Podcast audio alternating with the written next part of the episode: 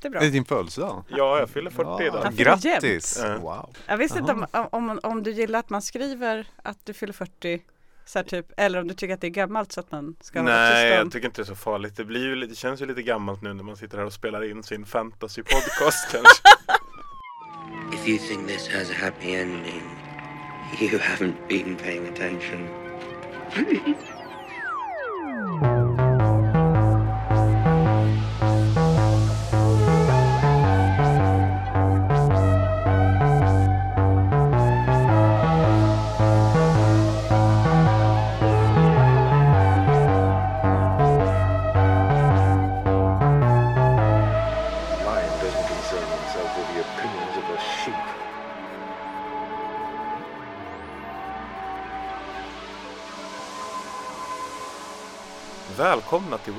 Wevold-podden avsnitt 13.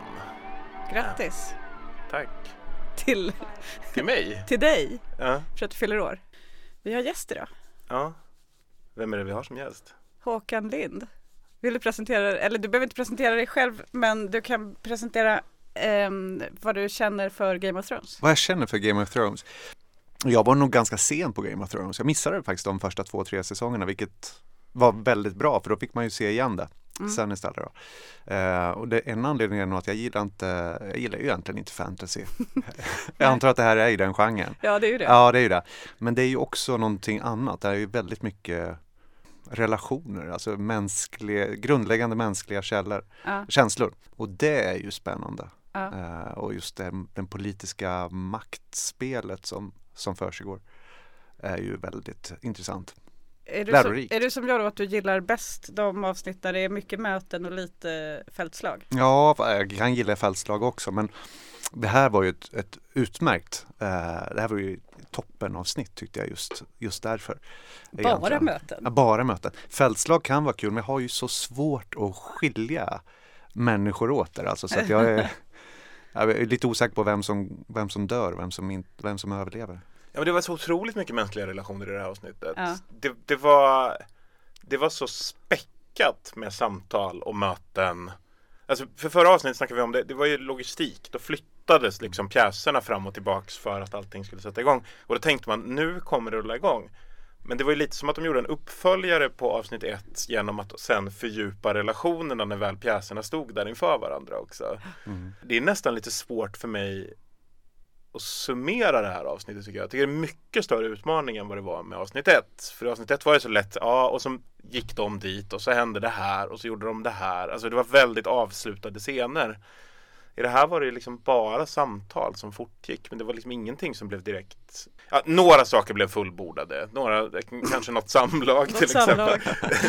väldigt mycket var det ju faktiskt så Vad att är egentligen definitionen på ett fullbordat samlag? Jag vet inte, vi kanske inte ska gå dit.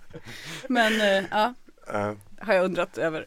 men, men jag tror Det att, Jenny och, och Arya Det, det är fullbordat. Det borde vara Ja. fullbordat. Vi gissar ja. det. det var ju det som var hela hennes ambition med, med situationen. Mm. Skulle man kunna säga. Hon säger ju det rakt ut. Mm. Att, ja, hon säger inte nu vill jag utföra ett fullbordat samlag. Men, men hon säger ju att Det är väldigt mycket mindre undertext i den scenen än vad det är till exempel mellan Jamie och Brienne. Ja, Ja men det är väl det också som är det, det är mycket undertexter i det här avsnittet. Alltså Mm. det är mycket, det är ju lysande repliker men det är också lysande tystnader mellan replikerna många gånger. mm, Och små blickar Mm. och mm. minspel överhuvudtaget. Mm. Ja men det var ju väldigt tydligt sista natten med gänget avsnitt, var det inte det? Jo, All, det var mycket som skulle sägas här innan, innan fältslaget. det är väl många som kommer dö i nästa. Så det sa de ju själva hela tiden. Men eh, det, är- det är också många sådana här man ska ju vara orolig när det kommer ett karaktärsögonblick som är, man känner att det här är piken för den karaktären. Och vi hade ju några sådana. ja frågan är om, om, om vi ska börja någonstans. Vi börjar väl med eh, scen ett. Ja, För att den var ju chockartad, att vi hamnade rakt i Jamie Lannisters rättegång. Ja. Vad tänkte du kring det Johannes? Jag, jag trodde nog att det kanske skulle vara mer rättegång än vad det var. Jag hade nog väntat mig ett försvarstal av något slag. Att som- Jamie skulle hålla ett asbra tal. Ja, e- e- eller Tyrion, men Tyrion gör ju ett försök men det är ju ingen som tror på honom längre, inte Nej. ens han själv. Så Mm. att, att det, det funkar ju inte längre, den klassiken går inte hem. Och, och, och han hade ju liksom så här, skulle han ha liksom fått Trial of Combat? Nej, det hade inte heller gått så himla bra i det här läget. Mm. I och för sig hade det varit lite kul om Jamie hade fått göra en Trial of Combat och kallat in Tyrion Ja. som sin förkämpe. Eftersom han har blivit så dålig på att slåss nu när han har Ena handen borta. Jag hoppades ju lite på den totala upprättelsen för Jamie i bemärkelsen att han skulle stå inför de här anklagelserna som Daenerys ställer till honom Mm. och han då skulle förklara det som han en gång berättade för Brienne i badet att han faktiskt har räddat hela Kings Landing. Mm. Att Aerys tänkte bränna ner det för det vet ju ingen fortfarande att det hände, eller Bran vet ju det men eh, att han skulle förklara det här i ett fint tal. Mm. Men fortfarande han bara är så här typ eh, den snubben som liksom inte pallar att eh, försvara sig. Mm. Han, han är på något sätt hela tiden inte den som tänker dra ett sånt tal. Så Mm. att han gör inte det nu heller. Det är så onödigt. Mm. Folk behöver få veta. Brienne kunde berättat det. Eh, Istället så, men det är fint ögonblick när hon säger I know Sir Jamie. Vänta, vi har ju det här. You don't know me well, Your Grace. But I know Sir Jamie. He is a man of honor. Här är ju här är ett starkt peak Jamie ögonblick ändå eftersom han äntligen får någon som går upp och säger att han är man of honor. mm. Det händer ju inte ofta honom. Stort för honom. Ja. Um, Kan det vara första gången som det händer honom? Förmodligen. Men sen tycker jag hon undersäljer honom lite här. Dels kunde hon berättat att han räddade hela Kings Landing. Mm. Det hade varit honorable. Sen kunde hon också berättat för att nu drar hon historien om hon nästan blev våldtagen av några nordmän. Mm. Den är ju inte, den är inte hans mest heroiska ögonblick i förhållande till Brienne. Utan hans mest heroiska ögonblick är när de är fångar på Harrenhal. Jamie blir frisläppt Ja. och tillbaka, tillbaka skickad till Kings Landing. Halvvägs tillbaka till Kings Landing så kommer han på shit, Brienne är kvar och kanske kommer bli dödad av en björn. Och så Mm. drar han tillbaka och räddar henne. Det är ju mycket starkare. Det är ju extremt starkt. Eh, också för att han, det, där är han ju verkligen så helt ödestängt. Alltså han, han, han tänker verkligen shit, Brienne kommer bli dödad av en björn. För han drömmer det, om jag inte minns helt fel. Ja men inte om björnen, men han drömmer ju att hon är i fara i alla fall. Ja. Och hon står där med ett träsvärd och ska slåss med en björn. Dessutom hör han hör en grej, han hör den här våldtäktsscenen, den är ju olika i böckerna och i, i, eh, i tv-serien. Därför att i tv-serien så är det väl just så här typ att han försvarar henne bara och blir av med handen för det. Men i böckerna så ropar han Safirer Ja, i den scenen. Och alla bara, Va, vadå Safirer? Och då säger han, vet ni varför Tarth kallas The Sapphire Island? Det är för att de har skitmycket safirer där. mm, Alltså hennes familj är jätterik. De kommer belöna er ifall ni låter henne vara. Alltså hon måste vara en maiden för att kunna bli ransomad sen. mm, Och då bara, aha, tänker de då. Men sen så hör Jamie hur Briens pappa skickat en, eh, ett sändebud för att lösa ut henne från Harrenhal. För att eh, betala lösensumma. Men då säger de, nej nej, vi har hört att ni har skitmycket safirer så vi vill ha en högre lösensumma. Och då känner ju Jamie att det är lite hans fel, ja. att de tror det. Och det är också en ren lögn det här med Safirerna för att det, alltså, det heter ju Safirön, Mm. alltså där, Mm. där de är, men det är ju för att vattnet är safirfärgat runt omkring. Alltså Han det, bara drar till med det. så, han, han, så att det är ju liksom bara, det är, det är en rent geografiskt fenomen, inte någonting som har att göra med att hennes familj skulle vara väldigt rik. Tvärtom så är det ett ganska fattigt hus det där. Mm. Men, men jag tycker hela den här rättegången, är, det, det finns mycket fint att hämta här. Jag tycker ju Brands psykning Ja, måste vi nästan titta på. mm, den kommer ju härnäst. We were at war. Everything I did, I did for my house and my family. I'd do it all again. The things we do for love. Det, den är ju bra alltså. Det måste ju, det måste ju ha varit några när de gick ut i rummet som sa vad var det där för någonting? Alltså, Ja. Vad sa Bran för någonting Exakt. Vad är det som pågår? Ja. Royce och Alice Karstark, de liksom tittar på varandra och så bara, vad snackar Bran Ja. om? Varför sa han så? Alltså, den är ju väldigt oklar om man inte har, om man inte har sett avsnitt ett. Det är så faktiskt bara två personer i världen som vet vad det där handlar om. Mm. Eller tre, Cersei Mm. då Mm. också. Det är en perfekt psykning och framförallt så är det så att han, han sänder ut en signal här till det senare samtalet de har när de är i The Godsfood där han faktiskt pratar om att det kanske inte var så jävla dumt av dig att knuffa ut mig genom fönstret. Nej, För du hade inte blivit den du är idag om du inte hade gjort det och inte jag heller Mm. konstaterar Bran. ja. Det känns ju som att han ändå är förlikad med vad som har hänt med honom. Ja, han verkar inte vara helt besatt av att han vill kunna gå igen längre eller Nej. flyga eller liksom så. Det, allt det där som var hans drivkrafter förr, det är ju helt borta. Nu är han ju bara ett historiskt arkiv. Men ska vi prata lite om det- det- hoppar man fram till en mycket senare scen, men det här med vad Bran har blivit. Mm. Vi får ju reda på i en senare scen att The Night King alltså är ute efter honom. Mm. Det tyckte jag var en otroligt stor nyhet. Mm. Eller?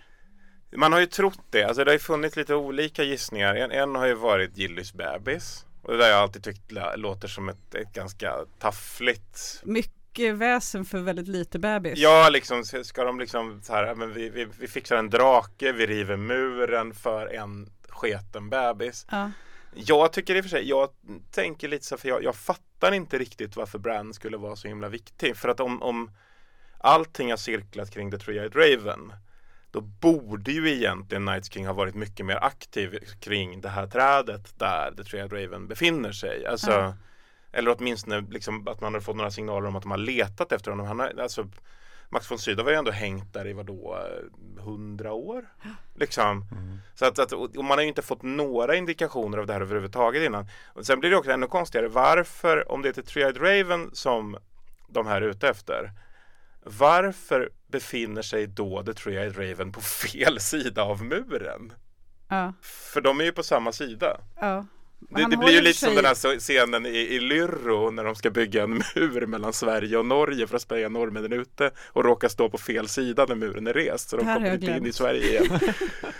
det är någonting här som, jag tycker att det finns vissa plot holes helt enkelt. Ja, men det är någonting också med det här, men jag tänker att George R. R. Martin kommer skriva det här bättre. Mm. Eh, men det är någonting med hela idén om att, okej, Bran sitter på hela, han är mänsklighetens kulturhistoria Mm. i sitt eget huvud. Ja. Och därför så vill The Night King döda honom för att man kan inte döda mänskligheten utan att döda dess minnen. Mm. Men han är ju inte dess enda minnen. Det finns ju bibliotek, det finns ju eh, det finns mycket annat också. Mm. Eh, sånger, eh, Mm. människor, berättelser. Fast det säger ju Sam att, att, att, att böckerna kan aldrig återge det på samma sätt. Han är ju liksom mänsklighetens äkta minnen. Jag tänker också det, Jo, han har ju ett mycket fall- större arkiv. än- I så fall är ju vår värld som vi lever i, vi tre, Mm. körd.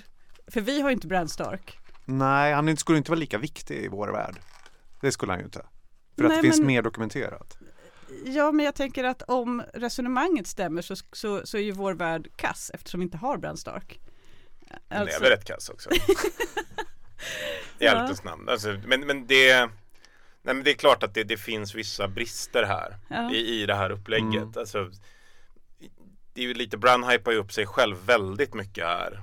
Kan han ju få göra, men, men det känns ju som att, att allting, det blir en ganska tunn soppa. Är inte det rimligt att han bara offrar sig ifall det är så enkelt? Att de bara skulle eh, Han bara, ja, lämna här, över sig. här är jag. Mm. Ja, För vi behöver inte, behövs verkligen The Three-Eyed Raven i världen? Men, men, men, men vad tror vi att det här är kopplat till då? För att, att det är ju ändå Children of the Forest som har skapat The Night King. Mm. Och då ska alltså Night Kings enda ambition vara The Long Night. Men den har väl aldrig The Children of the Forest varit ute efter någonsin egentligen. De har ju bara velat utrota mänskligheten. Mm. Och, och då kan man ju tänka sig att The Long Night just skulle vara historielösheten på något Mm. sätt. jag tänker det också att det är snarast det eh, som man har skapat. Det kanske inte var det som var ämnat att skapa från början. Mm. Men det var det som det blev istället. Men återigen, det är ju ingen som har haft access till The Three-Eyed Raven innan för han har ju funnits på andra sidan muren. Så att, så att alla har ju levt som att han inte har existerat Nej, det är i tusentals år. Inte ens Old Nan pratar ju om Nej. Three-Eyed Raven. Han är bara helt okänd. Så, att, så att det, det, är ju en, det är en riktig doldis som dyker upp här ändå. Och ändå är superviktig för mänsklighetens kulturhistoria. Ja. Det är lite ologiskt. Det är någonting som inte riktigt håller ihop här. Och, där kan man ju undra då, är det så att Brand försöker lura dem? Han har ju ett rekord av att förklara saker lite för dåligt. Ja. Lite för De andra har sig också ett rekord av att inte ställa särskilt bra följdfrågor. Ja. Det, det är inga starka intervjutekniker som gäller här. Nej. De visar ju inte honom jättestort intresse, någon Nej. av dem egentligen. Men Jamie och Bran-relationen här, när, när han gör den här psykningen, från att man har stört sig jättemycket i tre, fyra säsonger i alla fall, fyra, fem säsonger kanske på Mm. Bran. Att han bara håller på och gnäller, att han är på väg till muren, att det är en tråkig historia, att den liksom inte, den, den innehåller inte så mycket vare sig komik eller spänning förutom Hodor-delen då. Den, var, den- den, den biten var ju dramatisk, men Mm. annars har det ju varit rätt trist. Men nu har de ju gjort Bran till en riktigt eh, eh, festlig karaktär ändå. Alltså att man skrattar ju en Mm. hel del när man ser, hans, när man ser honom leverera sina creepy repliker. Ja. Ja men han har ju varit väldigt lillgammal och, och tråkig, det har han ju. Så Mm. att nu, nu börjar han leverera. Säsong 8, det är väl, det är väl bra Ja. att han gör det. Han blir ju starkt mimad också. Det finns ju en hel han la själv upp en tweet, Isaac Hempstead Wright, eh, där han skrev eh, Love those brand memes, keep them coming. Jag tycker att han har utvecklats bra nu och det är lite bra att han blir den här måltavlan. Och Mm. det känns ju också som om man, ska, om man ska tänka lite på det kring liksom så här, vad, vad som kommer hända efter det här slaget så öppnar det ju också upp för att han helt enkelt kommer försvinna efter nästa avsnitt, Mm. tänker jag. För han har ju egentligen ingen högre funktion Precis. för själva The Game of Thrones, vilket ju verkar vara det allting kommer landa i efter kriget mot The Night King. Mm. Eller? Vad tänker Men du? jag Jenny? tror inte att de vinner. Eller jag menar, alltså det är klart att de kommer ju någon gång, någon gång kommer det här kriget avslutas men jag tror inte att de vinner Winterfell nödvändigtvis. Du tror inte det? Nej, varför skulle de göra, eller det kan ju vara så och sen så är resten handlar om kriget mot Cersei men det kan också vara så att de förlorar Winterfell och måste fly söderut. Ja. Eh, och att Och samla eh, trupperna så, ja, tillsammans med precis. Cersei. Mm. Eh, att något utspelar sig längre fram ändå. För att, eh, nej men jag tror att de kommer förlora slaget och att de kommer bege sig söderut, hoppas på att The Golden Company ska slåss för de levande. Mm. Vilket ju, om det kommer en zombiearmé kanske också händer Mm. eftersom då skiter man väl i vem som betalar. Sannolikt. Men de bor ju inte i Västerås å andra sidan. Alltså, så nej, nej men det kommer stå en zombiearmé där, det är väl slåss eller dö Mm. som gäller. Och zombierna kan ju ta sig över. De gör ju bara, det här är så konstigt också, att alla bara, de kan inte ta sig över vatten. Nej men de kan ju göra is. Det, det är bara att frysa isen. Det här har jag också tänkt på när de stod på den där ön Mm. och väntade på Mm. att vattnet skulle frysas. Varför frös inte bara allt fryser ju, nu när de går så kommer det k- krackling Men kan de typ. verkligen göra is? Allting blir svinkallt så fort de är i närheten. Och så, så? börjar det knaka i, ja, och då kommer den här blå röken. Mm. Det tycker jag både bev- bevisas i böckerna och tv-serien men inte i vissa scener som till exempel att de inte kan ta sig till The Iron Islands eller till exempel att de inte kan ta sig över den här lilla futtiga sjön. Eh, Men, men hur känner ni för Jamies karaktärsutveckling nu då? Om vi ska liksom Mm. ta det bortom den här. Han blir ju, Brienne får honom ju ändå fri i det här Mm. läget. Mm. Äntligen så har han en a man, a man of, eh, vad är det hon säger? A man of his words. A man of honor tror jag hon Mm. säger. Jag menar det är det som har varit hela hans problem egentligen. Mm. Men å andra sidan så är han ju, alltså vad är hans funktion egentligen nu? Annat än i efterspelet i någon slags Lannister-intrig. Mm. Nej men det, det är väl mycket som förebådar hans död. Jag tänker också nästa scen när de är ute på slagfältet och han, han säger att han vill strida för henne. Att han inte längre Mm. är lika duktig på att strida längre. Alltså han har ju pikat ehm, och är Mm. medveten om det. Men han har fortfarande kvar sin uppgörelse med Cersei å andra sidan. Mm. Eh, så att den kan ju skydda honom. Både, både Tyrion och Jamie har ju mycket kvar att göra i Kings Landing sen. Kan man Mm, tänka sig. mm. Och att det kommer vi få se så småningom. Eh, och sen så finns det ju några andra också som har en stark eh, konfliktyta. Nämligen John och Daenerys och Sansa. Eh, Som vi, det vore väldigt, väldigt konstigt om den dog genom att karaktärerna dog av i nästa avsnitt. Mm. Verkligen. Så att den kan man väl också tänka sig kommer utspela sig. Men Mm. resten är väl, kan väl dö när jag som helst jag nu. tänker att i nuläget så är liksom vägen att fatta vilka karaktärer som kommer att överleva nästa avsnitt Mm. är nog att titta lite på vilka storymässigt går inte att ta koll på innan Mm. det här är Mm. slut. och där är det ju vissa karaktärer som är mer kopplade till Cersei och, och till King's Landing än Mm. andra. Skulle Tyrion eller Jamie dö så skulle vi veta vem The Valonqar är till exempel. Mm. För då skulle det vara den som är kvar, Ja. som fortfarande lever. Det är såklart. ospännande. Det är ospännande. Och sen, sen så, så de har någonting de tre som måste fixas. Och samma sak då med Sansa, alltså alla de som har pratat om vad kommer efter Ja. Mm. det här tror jag kommer klara sig utom två. Och det är Grey Worm och Missandei. Som Men jag för inte... de hade ju en eh, för fin scen. Ja. Nej men och, och deras efter är ju att de ska sticka därifrån. Ja. De ska åka Mm. hem till henne och, och vara där Det och ha kommer det gött. inte hända. På stränderna. Det kommer aldrig Alltså, hända. kan ni tänka er Grey Worm som någon sorts strandraggare som, som men liksom så här ligger i en solstol och tar det lugnt. Han kommer stå där med sin uniform och sitt spjut Ja. och vakta. Alltså hans unitard som han går runt i, den är Ja. inte så klädsam alltså. Nej det är som en sån här body som bebisar har. Ja, Men jag tror att han har hamnat lite fel. Alltså den kanske var jättebra eh, utanför Winterfell. Liksom. Ja. Mm. Han, typ, ni vet man köper ett klädplagg på semestern och tycker jag det är jättesnyggt och så kommer man hem och känner Det det här, inte." passar inte bra här. Men det är ett underställ. Ja. Helt uppenbart som han går runt i. Det, är- Mm. det är, Ja men han har varit tvungen att lägga till för att jag menar när de kör, när, när, de, när man hittade en Salid först i Astapor där, då Mm. har de ju bara på sig den här lädervästen och brallor och sen inget mer. Då Mm. har de ju ba, bara överkropp under. Mm. Eh, Så att eh, det passade ju bättre då. Mm. Deras uniformer är inte riktigt, riktigt anpassade. Inte moderiktigt längre. Nej. Sen har vi ju en konflikt här som uppstår igen mellan Daenerys och Sansa. Mm. Där de börjar bitcha Den med är varandra. Det är på. Jora som vill att de ska sätta sig och prata med varandra. Ja men det gör de ju ja, sen. Men jag menar i den här Mm. rättegångsscenen Ja. så ändrar sig ju, först är de eniga, Mm. Sansa och Daenerys om att Jamie ska dö. Sen så, eh, så litar Sansa på Brienne och därför så säger hon nej nej men han är bra. Mm. Och då så kommer Daenerys och säger nu får John avgöra det här. För han vill ju uppenbarligen inte det. Han har knappt följt med i rättegången. Han har liksom knappt hängt med i diskussionen eftersom han sitter och tänker på fan jag är Aegon den sjätte. Vad ska jag göra av den här infon? Ja, men det, det, det är det här som är så jobbigt med den här karaktärsutveckling i sista säsongen. Att hon går ju mer och mer mot så här att hon vill att folk ska välja sida. ja. Och så blir hon väldigt frustrerad när hon upptäcker att folk har släktskap, relationer som sträcker sig liksom något decennium tillbaks i tiden. Och hon blir, alltså jag får, läser det som att hon blir lite avundsjuk varje gång som någon visar sig ha en connection. Ja. Att, att hon tycker att det är obehagligt för att, för att hon har inte den Mm. saken med någon. Vilket jag tror är anledningen till att Jora kommer dö i nästa avsnitt. För att jag tror att de jobbar på att hon ska känna sig paranoid och utanför. Mm. Särskilt efter det liksom som händer i det här avsnittet egentligen. Men, men just nu är det Sansa som man håller på att bygga upp det med. Sansa pratar om ett efter. Och Sansa verkar inte vilja vika sig. Sansa är också den naturliga ledaren för Norden numera. Mm. Eftersom Aegon Targaryen har helt andra saker han ska syssla med. Mm.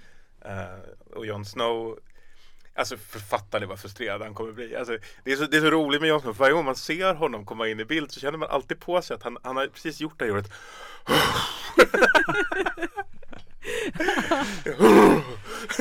Ja. Han ser lite jagad ut hela tiden fast på det här sättet som, som om man tänker, en ung Carl Philip kanske känner sig lite jagad. Liksom, så han förstår inte riktigt vad det är som pågår. Men det är jävla jobbigt just nu. Tror du att det är så Carl Philip går genom livet? Ja, jag tror faktiskt det är precis så Carl Philip går genom livet. Han förstår inte riktigt varför det är jobbigt, men det är jävla jobbigt just nu. Jag vet inte. Jag tänker att Carl Philip har väl det softaste livet av alla i hela världen. Nej, jag tror inte det. Jag tror att han har alltid haft den här känslan av att, att liksom, ja, men jag är uppfostrad. Alltså, jag vet inte, jag såg den här intervjun med David Hellenius. Det var så himla rolig för att man fick en känsla av att han inte förstod vart han befann sig överhuvudtaget. Men Jag tänker att Jon, tänk, tänker Jon Snow i, i Helenius hörna. Ja. skulle ju vara en jävla dålig intervju alltså. Det skulle ju, alltså, han skulle ju inte göra bra ifrån sig. Folk, hela Norden skulle ju sitta och bara, det där var ju inte så jävla framgångsrikt alltså. Nej, men han, Sansa skulle gå in och leverera. han är ju med Seth Meyers i, i den här sketchen. Den har ni väl sett? Kit Harington som, alltså Jon Snow på middag. Eh, Nej, det har inte En sett. Saturday Night Nej. Live sketch. Mm. Fruktansvärt kul. Alltså den, där han bara håller på och eh, drar olika, ole, alltså alla sitter på middagen och pratar om normala middagsgrejer i New York och han bara drar så här typ om hur Ygritte dog och hur, hur Olly dog och sådana grejer och Seth tar honom avsides och säger du får inte prata om sånt här, det förstör stämningen och så kommer han tillbaka och så blir det bara, ja den är kul. Har du sett Melisandre på Baby Shower? Ja den är också jättekul. väldigt, väldigt rolig. Jo men då får ju John avgöra och då så sidar han ju med Sansa. Ja. Mm. Han säger att, eh, eller han säger lite bara sloppy sådär att eh, ja, men vi behöver väl en snubbe till och slåss med. Han har knappt lyssnat Mm. På vad som händer. Men eh, jag tänker att det Vad tror du han tänker på? jag tror han tänker på det här med att vara Aegon den sjätte Mm. och eh, huruvida, huruvida han nu, ska jag ta, ska jag berätta för Daenerys Mm. till att börja med? Ska jag ta, ska jag claima min titel? Mm. Eh, ska jag inte berätta för någon? Alltså det är mycket sådana Mm. frågor tror jag. Jag tror inte tronföljden är det absolut viktigaste i hans huvud. Det är nog mer ska jag berätta för Daenerys faktiskt. För att återigen, det är, det är liksom, jag, jag återkommer till det här. Han, han är en ganska typisk konflikträdd pojkvän. Mm. Ja, Den här typen där det alltid blir mycket värre i slutändan Ja, för att han visst. skjuter på alla problem. Mm. Men, men, och just därför tror jag att han, han skulle nog kunna offra tronföljden för henne. Mm. Men påminna henne om det jävligt ofta sen. Att, att så här, i varje gräl jag- när hon bara så här, du har inte dammsugit. Nej. Han bara, ja men jag gav upp min tronföljd för dig. Ja, Han skulle göra det, definitivt. När han känner sig så här lite jagad och utsatt. ja. Lätt alltså. Ja. Eh, Han, han skulle, för honom skulle det vara värt att uh, avsäga sig kronan för att ha det leveraget i relationen tror För jag. att det är det enda Mm. retoriska leverage han skulle kunna ha. För han är lite för snäll. Ja, han är ju Ja. väldigt för snäll, men han är ju för Ja. öppen också. Alltså att han, måste, han måste ju berätta förr eller senare. Han sitter ju säkert och tänker här nu om man ska eh, Ja. säga till Daenerys. Men han kommer ju att göra det, det vet ju alla. Fatta För att han vilken scen det hade varit om han hade liksom rest sig upp och bara eh, men jag har en grej Mm. som jag vill ta upp här när vi ändå alla är samlade. Sitter och tänker på en sak här. Ja. Och eh, det var det här med mm. Men istället så, så fort mötet är över Ni vet ju att jag alltid har undrat vem min mamma är. Ja, jag har nyheter. Men så fort mötet är över så drar ju John därifrån utan att se Daenerys i ögonen. Mm. För att han vet att han har svårt att ljuga och att det skulle vara jobbigt att behöva ens småprata lite. Mm. Hon fattar ju ingenting. Mm. Hon undrar varför han är sur bara. Ja, hon har det ju allmänt lite jobbigt här. Alltså, hon, Mm. hon är ju ändå hon vill gå in som den stora auktoriteten och hela tiden så undergrävs hon utav alla inblandade oavsett om det är John eller Sansa eller Mm. Verkligen. Hon får aldrig till det. Och hennes egna till det. rådgivare är inte vassa nog. Nej, hon har en, svårt att leva upp till, till den eh, kostym som hon vill bära här. Alltså det är Ja, jobbigt för henne. ja. Och, men ändå så hon har ju kanske lite för mycket anspråk också på hur allt ska gå till. Ja. För Mm. att hon är ju ändå drottning. Alla har erkänt det. henne som drottning och Mm. hon behöver inte hävda sig så mycket som hon tror. Mm. Mm. Utan hon har- sitter ju på den här, rätt bekvämt på den här tronen ändå. Med sina dothraker, med sina unsullied, med sina drakar. Så är det Mm. ju, det behövs ju inte så Hon mycket borde mer. kunna slappna av lite. Lite. Mm. Men hon har inga riktiga kompisar. Nej, det Nej, är nog det Hon alltså. har ju Mm. Jorah. Ja. Och det blir så väldigt tydligt i det här avsnittet hur faktiskt Jorah är hennes enda vän. Mm. Mm. För att Miss Sunday och Grey Worm är ju också hennes kompisar men de är inte i hennes De har varandra. De är inte heller på Hon hennes gillar inte att leka tre. Nej, Nej. de är heller inte riktigt på hennes nivå när det gäller Jag menar de är ju trots allt inte Alltså typ stora taktiker eller De kan inte ens konversera ordentligt så att Mm. eh, de, de är ju underhuggare Mm. Jorah är ju hennes jämlik på mycket mer sätt Men jag tänkte också på i den här scenen att det är väldigt mycket mer hovstämning nu Mm. Mm. Att de eh, det känns som att det finns etikett Mm. När Daenerys reser sig då reser sig hela salen Absolut. Ja, men, eh, Att de har liksom instiftat ett litet hov här Så kände jag också. Alltså det måste ju vara lite, man undrar lite allmänt uppställningen i rummet. Det måste ju Mm. ha bestämt vem som Exakt. skulle stått i vilken ordning och sånt där. Det tog säkert lång tid och Precis, Men jag är- funderar på varför Bran sitter med vid stora bordet till exempel. lite snett dessutom. Lite På snett. kanten där. Det är sig Ja, rimligt med Han är ju rullstolen. som de men, där sura gubbarna i Mupparna. ja men och sen är, sitter det och ger ett, lite så här cyniska kommentarer Mm. bara. sen är det ett litet bord bredvid där, eh, där Daenerys sura gubbar sitter istället som är eh, Tyrion och Varys då. Mm. Eh, som sitter och hänger i andra änden. Och Men- sen så har finns det ett litet gäng där man har de här lådorna från eh, alltså, Alice Karstark, eh, Sir Waymar Royce, de sitter en liten, alltså det är ju någon slags mm, tydlig uppställning här i rummet som Mm. man inte har full koll på. Nej. Nej. Folk har förmodligen titlar här. Någon är förmodligen eh, Master of Arms och så vidare. Ja, jag tror det är jätteviktigt hur man står här. Mm. Alltså. En grej som jag tycker är jävla konstigt med Jamie. Mm. Han var ju ändå ledare för Lannister-armén. Varför stack inte han till The Riverlands och hämtade familjen Tully och deras armé? Mm. De lever ju fortfarande. Alltså det, Ja, vad fan hände med Edmure Tully liksom? Edmure Tully är ju vid liv. Det är ju, det är ju, Hans, det, det är ju Jamie som har honom. ja, Det var ju det sista, det var ju är den sista de såg honom när han skulle skjuta ja. bebisen in med katapult in i... Alltså han måste ju haft vägarna förbi Jamie. Ja. Men här, i och för sig jag skulle inte sätta fot till på River Run om jag var Jamie efter det. Nej, inte så uppskattat. Men, men han, han, alltså, det, det konstiga just nu är ju att hela liksom den familjen, för det, det är alltid så när man ser Weimar Royce så börjar man tänka Mm. vad fan gör han där fortfarande egentligen? Mm. Var, varför är... Och han och Sansa är ett sånt team nu Ja, som sköter allt. ja, ja de, de är ju logistikexperter. Ja, va, va, var man än dyker in i en scen så sitter de och håller på och gör upp om något. Festkommittén. Men det är ju där hur folk ska stå och sånt Ja. här vid olika samlingar. Alltså, Det är nog många samlingar Waymar de Royce och. Sansa som eh, lägger upp hela det. Ja, de Ja. har koll på protokollet. De, de har liksom, de gör det skriftligt. Absolut. Skickar ut. Ingen slump. Inget går åt slumpen. Dagordning på de här mötena Mm. som de har förberett. Alla måste osa till Weimar Royce. ja. Jo men det känns ju verkligen som att det är de som sköter saker. Förmodligen är han typ Castellan eller något i det här Mm. läget. För att han eh, ändå har någon slags, alltså men han verkar ju ha någon slags funktion, inte bara Mm. dra Mm. runt. Typ att han sköter arméerna eller vapenförråden eller något. Mm. Men sen stormar de ju ut från det här mötet. Daenerys är sur då. Först är hon sur för att mötet inte gick bra. Sen är hon skitsur på Tyrion för att eh, Tyrion är en sån klantskalle nu för tiden. Mm. Och att Sansa hade rätt hela tiden. Mm. Mm. Eh, och sen dessutom då så vill John inte prata med henne så hon hon är extra sur. Så det tar hon ut på Tyrion när de går därifrån och hotar honom med att ta av honom hans titel och allting. Och då Mm. säger hon ju en replik som är nästan identisk med den Sansa sa till Littlefinger i Molestown eh, förra, förra, förra säsong, var det förra? Ja. Eh, när Daenerys nu säger till Tyrion "E- either you're a traitor or a fool tror jag. Mm. Någonting sånt. Mm. Eh, men det är ju precis, ja, alltså det vill säga antingen så är du en idiot för att du inte förstod det här eller så, det är som Åsa Linderborg sa om eh, om eh, Björn Wiman. Ja. Vem var först tror? Var det? Alltså antingen, antingen så visste du vad som pågick i Svenska Akademin och om du inte visste det då borde du inte vara kulturredaktör. ja, Ja. den. Mm. Eh, men det är ett återkommande tema här. Jag vet inte, har ni något? Alltså det pratas ju rätt mycket om det här att Tyrion inte är så jävla smart. Ja. Eh, Han erkänner ju det själv också, jag har gjort Han känner sig besviken, han känner att han inte riktigt har levt upp till förväntningarna här. Ja. Men det tyder väl också på att han kommer att göra något jäkligt smart i nästa avsnitt. Eh, Mm. Att han kommer att vända det här, det är han som listar ut någonting oavsett vad som händer. mm. Mm. Alternativt så blir han fixerad vid att bevisa sig Mm. och eh, lyckas inte. Mm. Men Jag tyckte det var lite svårt att förstå varför, varför han fick en försvarare i, i Georgia sen. Eh, han ville inte ha hans jobb. För Tyrion sa ju det, när någon av er kommer och innan det här är slut kommer någon av er att få ta över handen. Ja.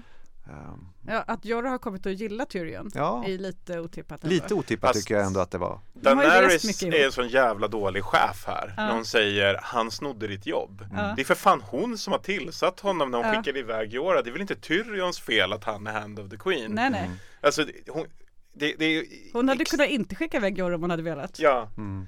det, det är liksom det, det, det- det är bara hon som är liksom anledningen till att, att, att Jorah inte har det jobbet. Så, Ja. att, så att det blir ju jättekonstigt att hon skyller Lite det. också förräderiet han gjorde mot henne. Ja, lite. lite det Ja. också. Men, men Daenerys är väl, hon har väl många chefsbrister överlag, är det inte så?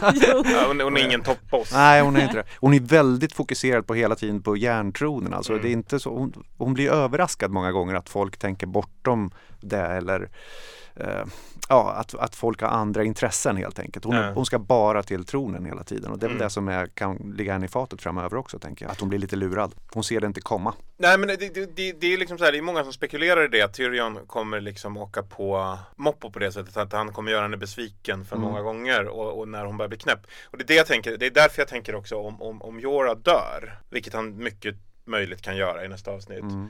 Så öppnar ju det upp för att hon ska känna sig helt, Helt ensam och ensam, utsatt ja. och den Mm. enda som finns kvar är Tyrion. Mm. Och att det kommer fucka upp deras relation, att hon Verkligen. inte riktigt litar på honom, för hon Mm. litar ju inte på någon längre egentligen. Finns en intressant plott här som håller på att utvecklas. Och jag, jag blir jävla glad över det, för att jag har känt så himla länge nu att det inte har varit så intressanta personplottar, Mm. Alltså Mm. mellan karaktärerna.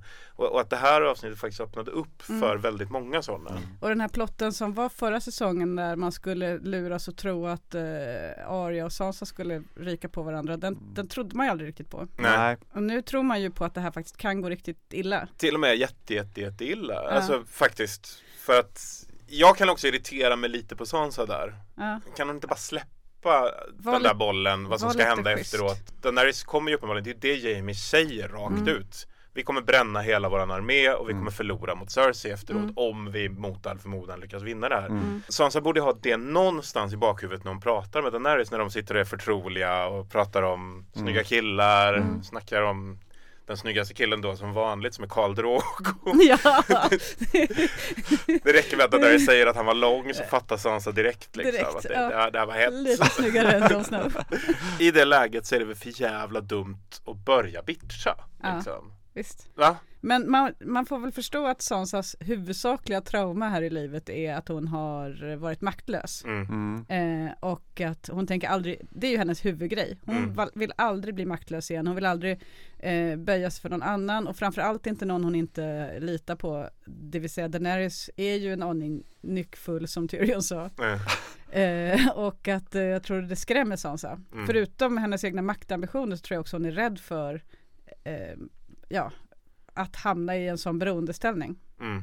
Hon måste ju märka också att hon, hon är ju smartare i alla, Mm. i alla situationer just nu än, än Daenerys. Eh, alltså Ja. hon tänker ju längre, hon tänker ju mer strategiskt Ja. och förstår, tänker bakom hörn helt enkelt. Varje gång jag tittade på det här avsnittet, de har lagt in ganska mycket betänketid innan varje replik som Sansa säger. Mm. Det vill säga hon, hon levererar inte sina repliker på en gång som Tyrion gör eller så, utan hon tänker ganska länge och sen pratar hon. Och, jag, och, och det fick mig att tänka varje gång på det här som Littlefinger sa åt henne att Don't fight in the north or the south. Fight every battle, everywhere, always, in your mind. Everyone is your enemy.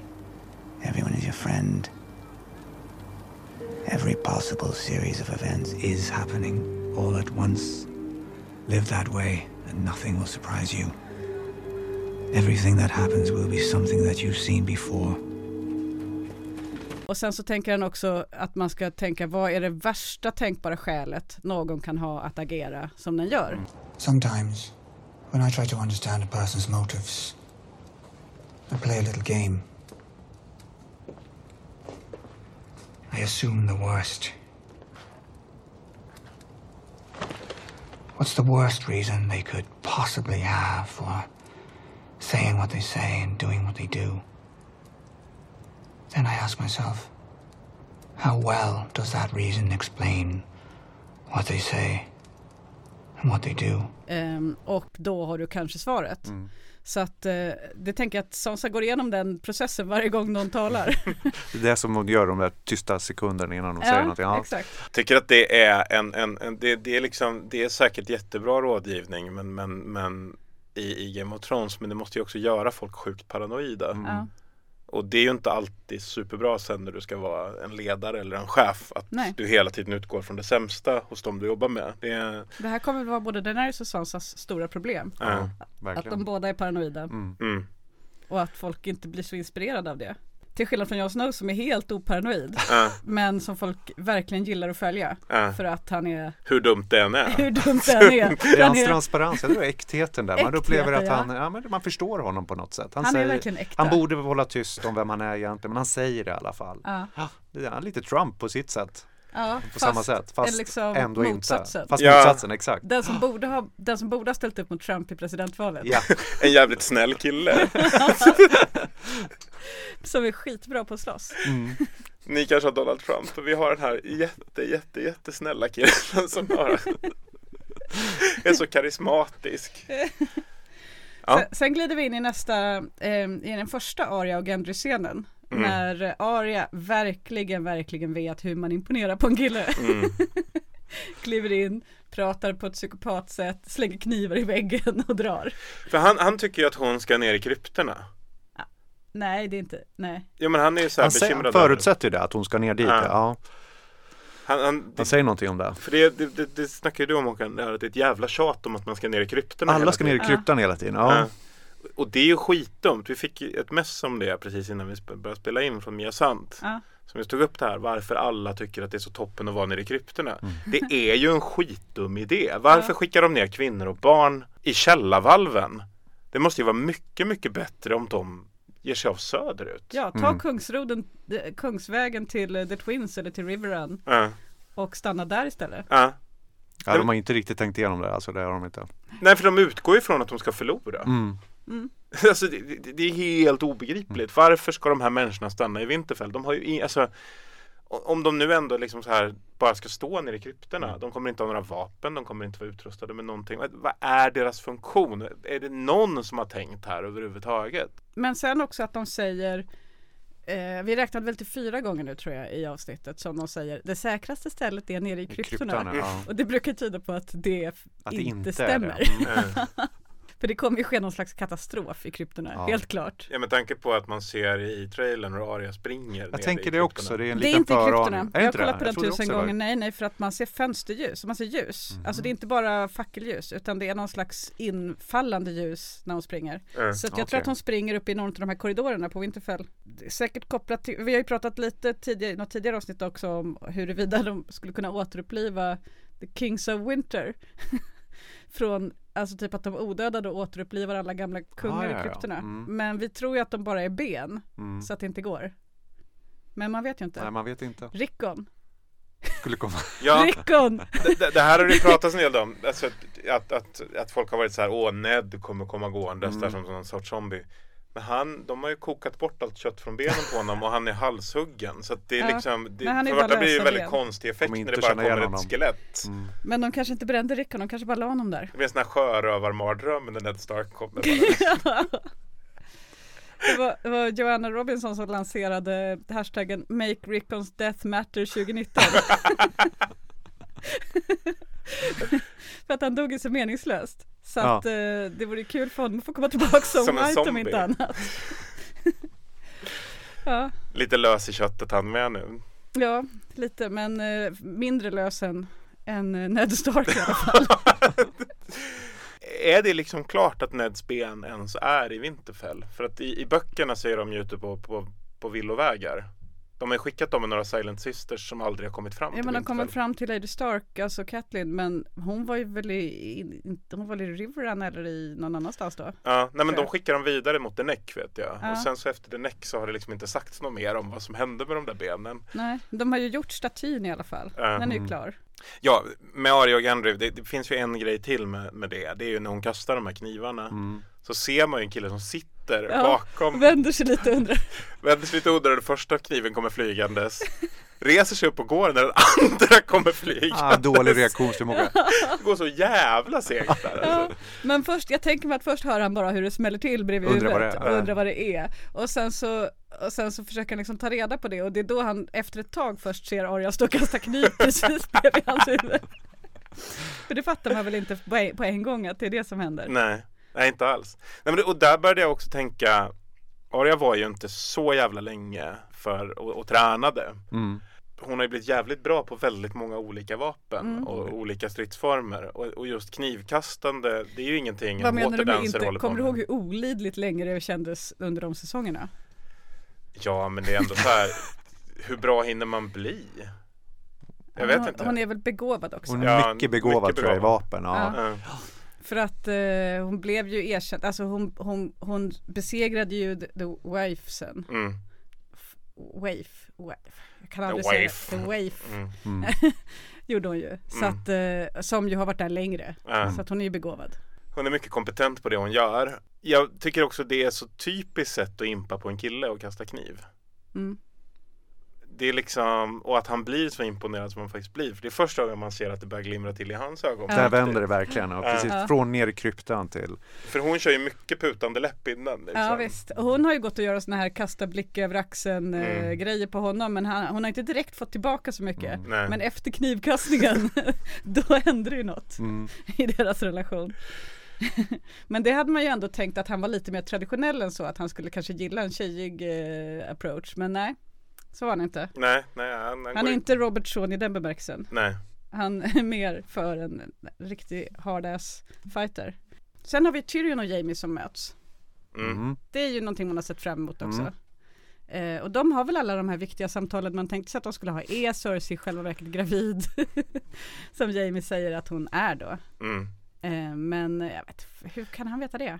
Han känns ju inte som en kille som har så himla bra koll på sådana grejer. Nej. Alltså, han, han, han, han är ju inte killen som slår en som så här stark gaydar och liksom så här känsla för graviditeter. Det, är Nej. liksom, det, det känns inte som att det har varit hans prio i livet, liksom den sortens liksom, interaktion med människor och den sortens em- empati ens. Ja. Utan han har ju varit väldigt fokuserad på helt andra saker. Mm. Alltså ridderlighet, hjältedåd, Svärd. turnerspel. Å andra sidan säger ju Tyrion till Jamie, she never fooled you, you always knew exactly what she was, Mm.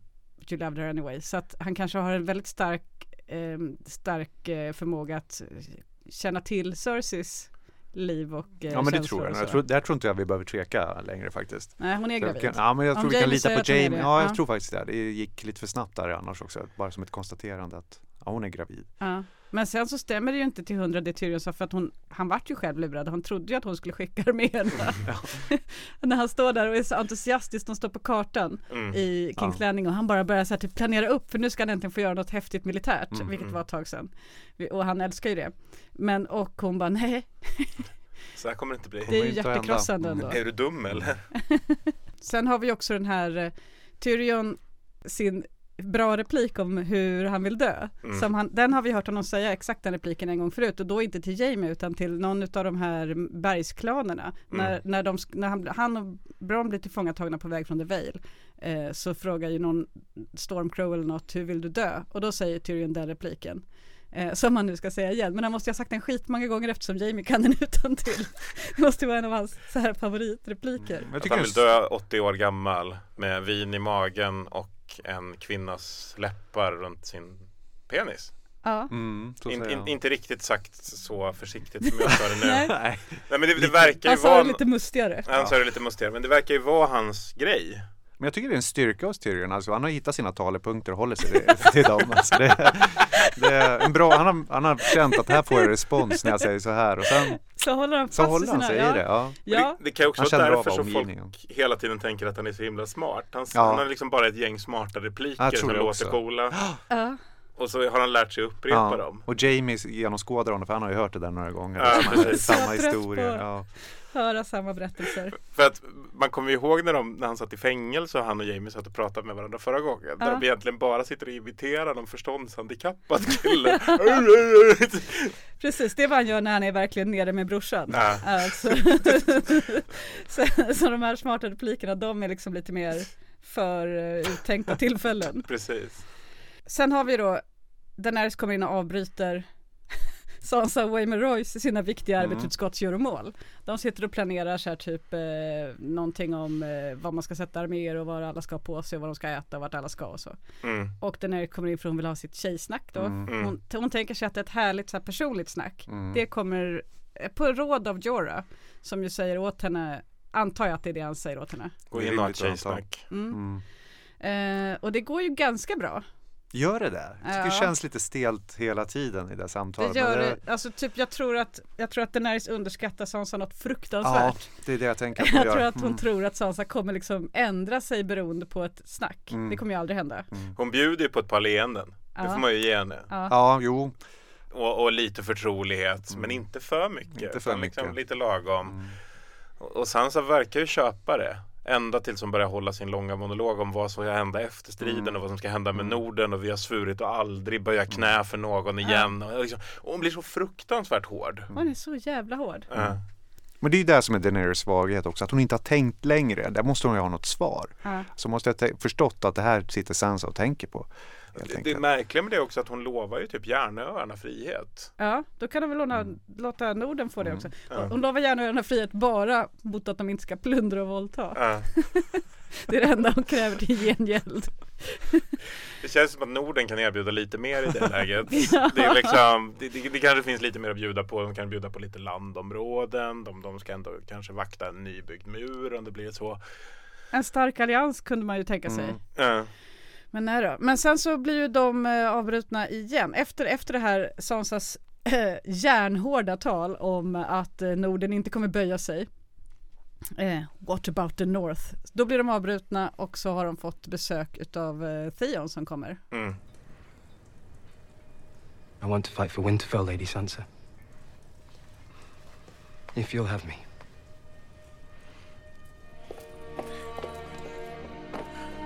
Här var ju andra gången jag grinade i avsnittet. Mm, Du gråter väldigt mycket nu Nej, nej, men jag har inte gjort det förrän nu. Jag har aldrig haft så hög, hög affektionsnivå i Game of Thrones förrän den här säsongen. Nej men det är för att du har byggt upp det på det här sättet. Ja, förmodligen. Men jag grät ju när Hodo dog och så. Mm. Eh, men, eh, och sen några gånger, jag grät när Lady dog. det är några gånger man har liksom verkligen varit ledsen.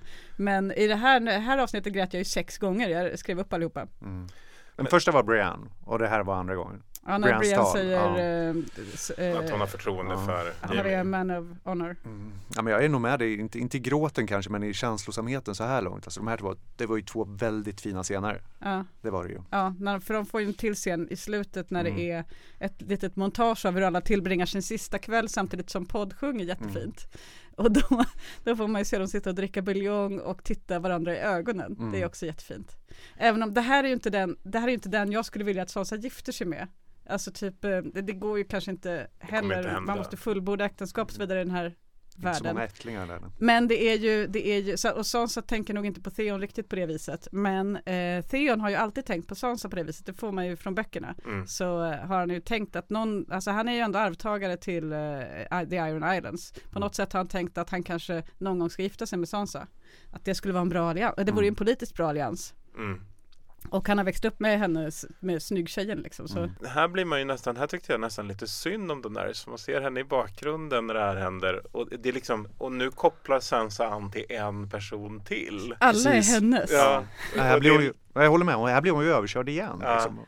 det kommer aldrig någon till henne som Nej. hon får krama om. Och så- Alltså, Nej, det har ju inte hänt sen Jorah dök upp. nej. Kommer Då- aldrig hända eller? Nej, Vem för, skulle det vara? Nej, men, Hon känner ju ingen i hela Westeros. nej, men och det, där känner jag, jag kan känna lite med det här liksom att hon är så här, nej, men hon är så här projektledaren ingen tycker om. Mm. Men som ändå drar ett jävla lass här alltså. Det skulle ju vara ifall Illyrium och Patis dyker upp helt plötsligt. I sina liksom särkkläder och det. Det skulle kunna hända. Det skulle Ja. vara ett kärt återseende ändå. Ja men Dario Naharis kan dyka upp också. Ja, vad glad hon skulle bli. Ja, I det här läget skulle det vara skitsamma att hon är ihop med John nu. mm. Om Dario skulle dyka upp. Han kommer in med så här enterhake genom ett fönster. Ja men han kanske gör det. Han kanske har hört talas om problemen i, i, med, med de dödas armé och det. Mm. Och att eh, för The Golden Company har skvallrat om alltihopa innan de drog. Ja. Han, lär väl, han har ju slagits tillsammans med dem en gång, alltså inte i The Golden Company men han har ju en egen legoarmé. Han är second sons. Ja precis. Mm. Och eh, de och The Golden Company skulle ju tillsammans besegra Daenerys men han bytte sida. Mm. Eh, så att han känner väl antagligen Harry Strickland. Man blir glad varje gång man säger Harry Strickland. Ja men det är en härlig kille. Nej men det, det jag, jag bara kände lite här med henne att, att fan Sansa har så mycket historia. De är ju i och för sig hemma hos Sansa och det är också lite pinsamt att man känner av att hon blir sådär lite avundsjuk Ja. i de här lägena. Mm.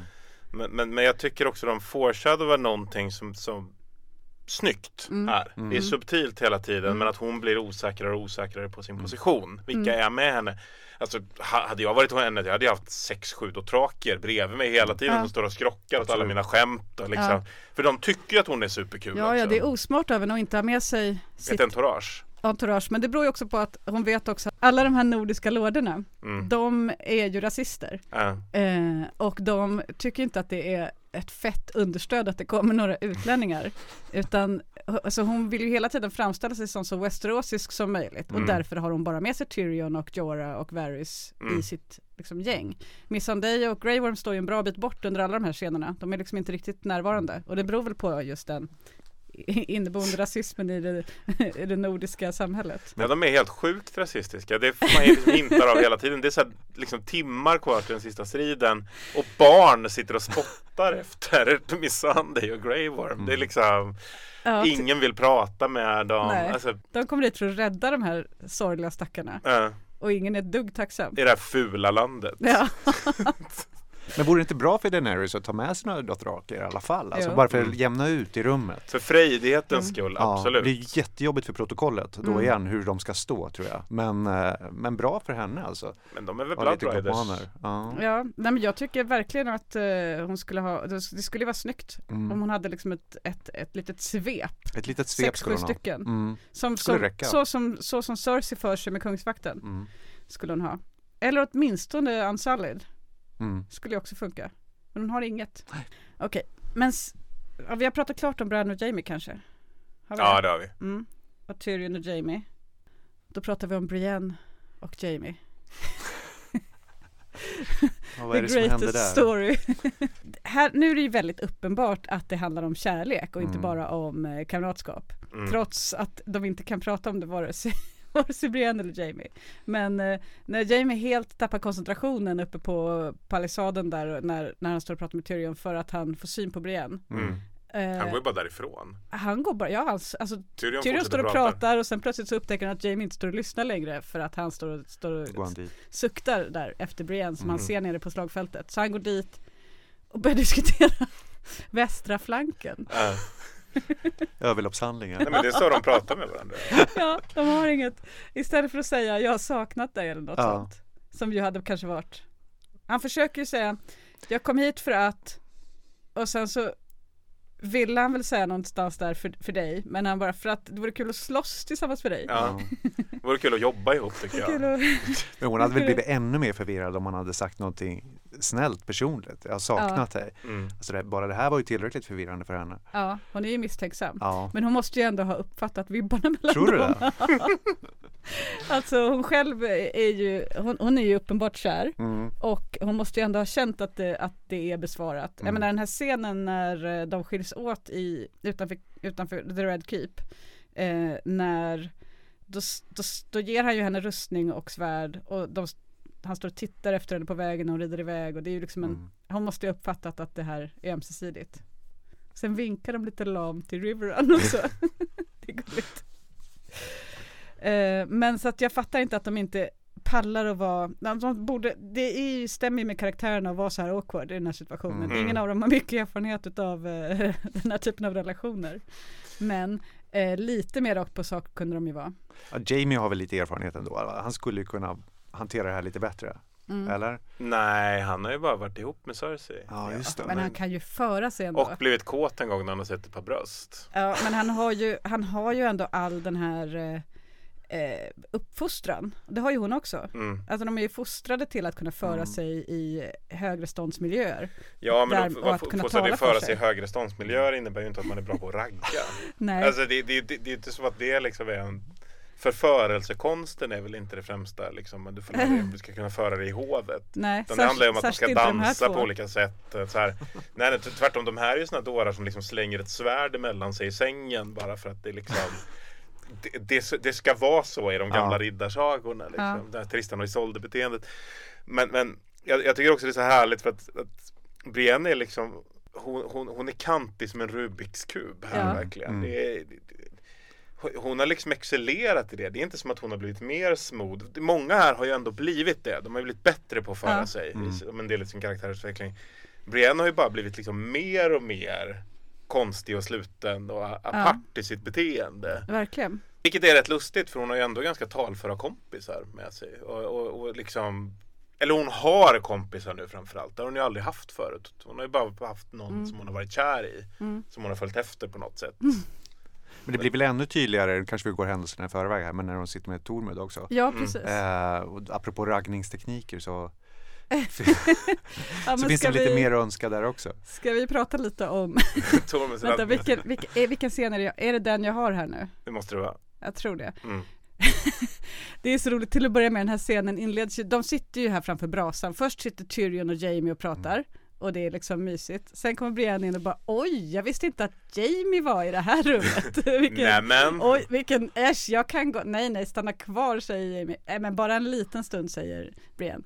Men så att, och nu, nu, är det liksom perfekt läge. Podd, hon, Jamie och Tyrion sitter liksom framför brasan. Jag tänker mig att Brienne ser framför sig att här är liksom, nu kommer det bli mysigt. Men Tormund kommer ju. Dra fram en stol på ett väldigt roligt sätt. I killed the giant when I was.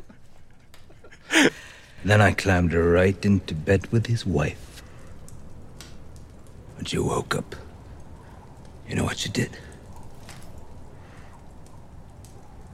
Suckled me at her teat for three months. Thought I was a baby. That's how I got so strong. Giant's milk. Det här kan ju inte vara hett ens på liksom andra sidan muren. Men jag tror att Tormund har en helt egen uppfattning om vad som är hett och Jag inte. tror det också. Alltså, Jag tror inte han liksom är så bekymrad över vad han tror att andra tycker är imponerande. Ja, men vadå, han är, han, Han han är, själv tycker att det här är imponerande. nej, men visst, Ja. han är inte så, en så ängslig person. Det, det, det kan man ju inte säga. men det här måste ju ha funkat för honom någon annan gång. Att han, har, att han har dragit drar den här historien. Han har dragit samma historier i, det här, var, det här är också ett tecken på att Tormund kommer dö i nästa avsnitt, Ja. att han äntligen fick dra sin historia om när han låg med en jätte. För att han har ju tidigare, det här, han har ju två historier som han hela tiden vill dra Mm. i böckerna. Och det ena är ju hur han låg med den här jätten och det andra är att han har legat med en björn. Och den har han redan fått dra, för den drog han för Ygritte. Mm. Eh, eller, man hör också på Ygritte att han har dragit den hundra gånger förut. För att så när han sätter igång och berättar den historien så säger hon You never fucked a bear. You know, you know you never fucked a bear. Och så säger hon, jag vill inte ens tänka på att du inte har fucked a bear. För att det enda jag vill tänka på att jag ska döda Jon Snow. Ehm, säger hon i den scenen. Men, men vad heter det, så, äh, men man hör ju på Ygritte att hon är så jävla trött på att höra Eh, om den gången. Så du tänker han har levererat sina historier Han har nu? levererat de här Mm, tusen gånger mm. men inte i tv-serien. Nej. Ehm, utan det har han ju gjort bland sina vildlingkompisar då. Men nu fick vi ju höra den här historien och det betyder väl att han dör nästa. Att han dör ja. Mm. alltså, han har väl inte så mycket funktion kvar? Nej. Eller? Alltså vad, vad ska han till Kings Landing att göra? Det skulle bara bli konstigt. Han kan ju inte trivas där. Alltså, att, Nej. ska han gå runt och dricka? Jag Han har ju honom sina försöka historier i ragga och upp, för sig. Det De försöka ragga upp Cersei vore ju kul. Ja, det hade i och för sig varit helt fantastiskt. Kliver in i The Red Keep, börjar häva någonting ur ett av de här drakhornen. Står där och klunkar mjöd. Nej, det, nej det, alltså hon kommer ju inte gå igång på det. Eller, Nej. eller Nej. vem Men så- vet när det kommer men till vem Cersei? vet, exakt. Det, det, hon har gått igång på andra, liksom Osmund Kettle Black och Ja, lite Moonboy och jag vet inte allt vad hon har liksom det är ju bara Tyrion som påstår. Vilket Jamie aldrig kan släppa men det är väl inte så troligt att hon har, hon har väl inte legat med Moonboy. Varför skulle hon inte legat med Moonboy? Ja men alltså det finns inget som tyder på det. Hon har aldrig tänkt på Moonboy ens en gång i sina kapitel. Det är en narr i böckerna. som eh, typ, ja, som alla bara retar. Vad är det han säger? Lancel Lannister, Osmond Kettleblack and Moonboy for whatever I know. Ja, så säger Tyrion till, Mm. till Jamie att, hon, att Cersei har legat med. Mm. Implicit, hon har legat med alla. Legat Och med alla. den här repliken Mm. tänker han hela tiden sen i resten av eh, böckerna, Jamie. Mm. Han bara, fan alltså, Moonboy. trodde jag inte om Cersei. Han kan inte släppa ja, det. han är så himla klok den här Jamie. Men sen kommer en av de finaste scenerna i hela, eh, för att då, då så ska ju då Thorman försöka ragga upp Mm. Brienne här. Mm. Och eh, han bara, jag tänker nighta dig tio gånger Mm. varje natt. Och Jamie liksom bara, hold my beer, nu ska jag fan nighta på riktigt. Det är ändå mycket undertext i Han blir ju ganska trumfad där, Tormund, Mm, eller hur? mm, Ja, mm. Men ändå, han applåderar oerhört Jaha, det, det, han Det förstår inte väldigt- vad som har hänt. Nej, nej, han tycker att det här är otroligt bra. Ja, han är mycket imponerad. Ja, ja. Och det roligaste av allt är att det här är en fylledubbning. Ja. Det, är liksom, här sitter de och dricker vin och så Vinet i är det här slut, men eh, vad ska vi göra nu? bara, vi dubbar någon. Jag tycker, det verkar ju helt orimligt att det ska gå till att dubba så här också. Att en riddare får liksom bestämma sig för vem man ska dubba. Det. Då för, man förstår ju att det kommer att gå fel. Det kommer alltså, det kommer bli mycket. Fast Måste- jag tror faktiskt systemet är så att den, Är det så? Alltså att Mm, det om du går squire i- hos en riddare Mm. så är det också den riddaren som dubbar dig till riddare när du är klar med din utbildning. Men det, är Det ingen finns ett prejudikat i. George. R. Martins värld, nämligen boken som heter The Hedge Knight. The Hedge Knight, eller A Night of the Seven Kingdoms, eller så heter kanske samlingsvolymen i alla fall. Eh, han har skrivit noveller om eh, Duncan the Tall och Duncan the Tall var riddare och eh, han hamnade i trubbel en gång där slutade med ett slag mellan massor med olika Targaryens. De skulle liksom ha ett trial of, eh, vad heter det, Eh, trial by combat Mm. och då åkallar eh, prinsen som han då ska slåss mot eh, trial by seven så att det ska vara sju eh, riddare på varje team Ja, som det. då ska slåss mot varandra Mm. i det här. Mm. Och då är det massor med Targaryens och lite Florence och lite alla möjliga som är med i det här men de är en riddare kort. Och då kommer någon tapper väpnare och bara jag är nästa riddare och då, då dubbar, då säger Duncan, han berättar hur det här går till. Ja men vilk, en, varje riddare kan när som helst göra en riddare så jag, Mm. jag dubbar dig nu. Mm. Så får han vara med. Det är praktiskt men det är också ett väldigt känsligt system. Ja. Du måste, alltså, tänk att du dubbar in en dum riddare som Ja. Bara Ja, det har dubbats in en och annan dum riddare i Ja, det där Ta systemet Sir ändå. Gregor Clegane till Ja, exempel. jag tänker som börjar dubba hej vilt. Liksom, Ja, som visst, verkligen ja, gör visst, det här till sin Men det blir grej. inflation. Ja, som ja, typ så det blir eh, inflation. gör det för pengar till Ja, exempel. exakt. Den grundläggande är väl det att det är bara alltså lorderna och kungarna som kan tilldela mark till riddartiteln. Mm. Och en riddartitel i övrigt är ju bara en titel. Det är därför det finns så mycket hedge knights. Mm. För att de, de, det är ju riddare utan, eh, Utan land. sammanhang. Mm. Som Bronn. Mm. Som ju också är riddare. Men Ja. han har ingenstans att ta vägen. Eller nu har han ju det. Han ska få massor med slott. Han ska få slott. Vart som han än kommer kommer han få slott. Ja. Men, men, nej, men den här fylledubbningen är ju ändå en, en, en ganska perfekt avslutning på en efterfest. Mm, Måste man säga. Det, det var det här eller att någon plockar fram gitarren. Ja. Men jag håller med dig. Ja, Men det här börjar jag tänka på att det var lite studentskiva över det. Liksom. Mm. Som de, nu skulle de åka med Silja Line på kryssningen innan de skulle ta studenten. Det var, vi har gått liksom från hytt till hytt. Det har hänt saker. Det var ju tjejsamtalet. Det har varit den- de här fulla killen som sitter i en korridor och dricker för sig själv. Och så kommer vi till hytten där allt händer. Där en Några ligger med varandra Några ligger med varandra. Dessutom i en Mm. annan hytt. Mm. Och sen så är det hytten där där det sker en fylledubbning. Någon säger vi ska aldrig gå och lägga oss. Patrik börjar sälja blandaren. Precis. Är det någon som kan sjunga något? Men det är också så här, det, det är så jävla lustigt samkväm. Alltså, det finns ju lite konstiga sådana när folk liksom inte riktigt agerar efter sin samhällsklass. Att Sedavos står och delar ut soppa är jättekonstigt. Det är väldigt konstigt. Han är liksom näst högsta hönset under Jon Snow. Ja. Och han står och delar ut soppa till några som är så här, vi är inte krigare. Nej men ni kan fan dela ut soppa i så fall så att liksom den här snubben kan göra det. Och, och mitt i det här kommer Jill in och är sån där person som står och pekar ut nödutgångarna i Vinterfell. och än en gång understryker att alla är säkra i krypton. Ja, och kryptorna har ni där borta. Verkligen. så. Där finns nedgången under den där palissaden. Där ser ni. Alltså, hur fick de här liksom sina olika liksom så här det, det, jag vet inte, det, det händer så mycket där på borggården som faktiskt irriterar mig. Som han som står uppe på en mur uppenbarligen och skriker åt andra vad som ska skickas upp på murarna. Ja. Det är också så här, vad är det som är så jävla akut så du inte kan gå ner och säga åt folk vad de ska göra under sin arbetsdag? Nej, du ska stå där uppe och ropa liksom. Pikar upp hit, palissaderna ska förstärkas där borta. Det känns som att det är mitt i brinnande krig.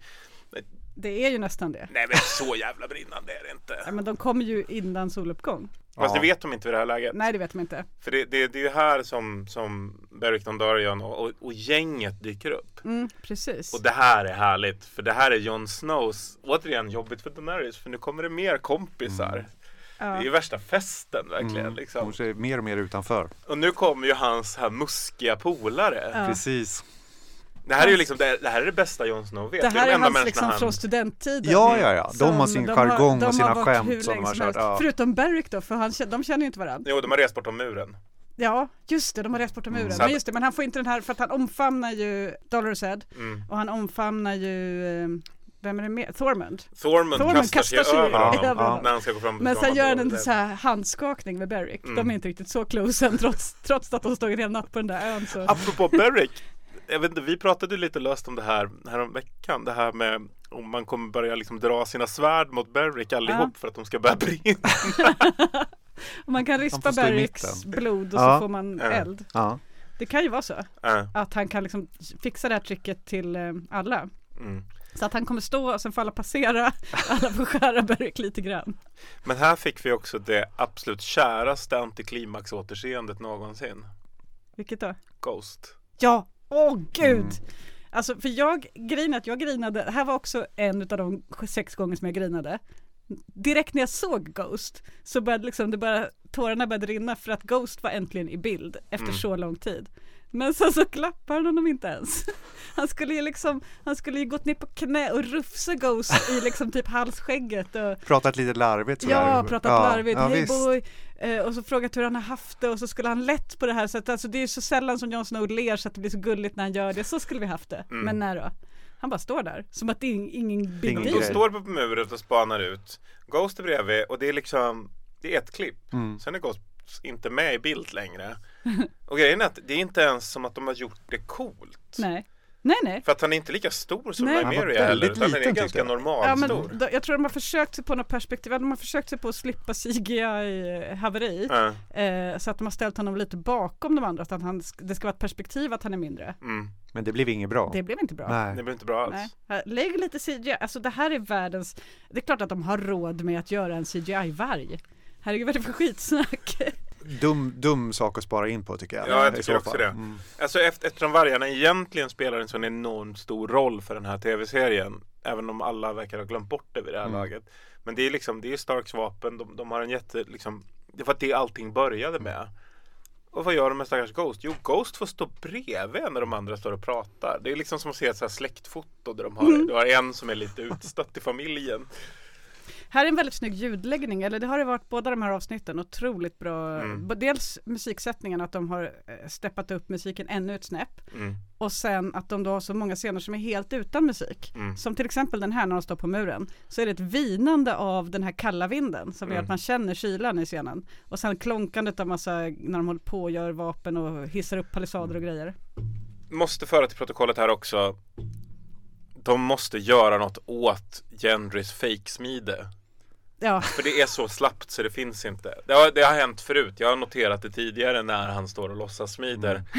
Att det är det här. Gendry går förbi en, en liten ugn. Plockar ut en liten tacka med någonting. Slår två slag på den medan Arya säger någonting. Kör ner den i vatten. Alltså man, det, det går inte till så när man smider. Man skulle vilja ha in en expertsmed som verkligen fick dissekera det här. Nej men det, ja faktiskt för att det här är ju liksom Det här är viktiga grejer för att det är ju därifrån hela hans sexappeal kommer också. Mm, absolut. Ja. Det är liksom hela hans hunkighet kommer ju från smidet och om det då bara är fake att det är lite som de här scenerna i Flashdance där hon svetsar i början. det är så, så uppenbart att det är någon som inte är yrkeskompetent på det den gör. Fortfarande sexigt, absolut, men så fort det kommer in någon som är kompetent och ser det så blir det bara irriterande.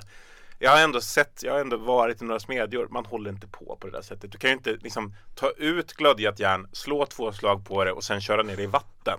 Eh, men innan, alltså innan, vi ska prata mer om Gendrys smide. men jag vill bara säga innan att jag tycker att det är en sån otroligt kul replik som Sam har när, när, de står på, när Sam ska säga att han visst kan slåss. Mm. När de för åttonde gången säger att du borde vara i kryptorna.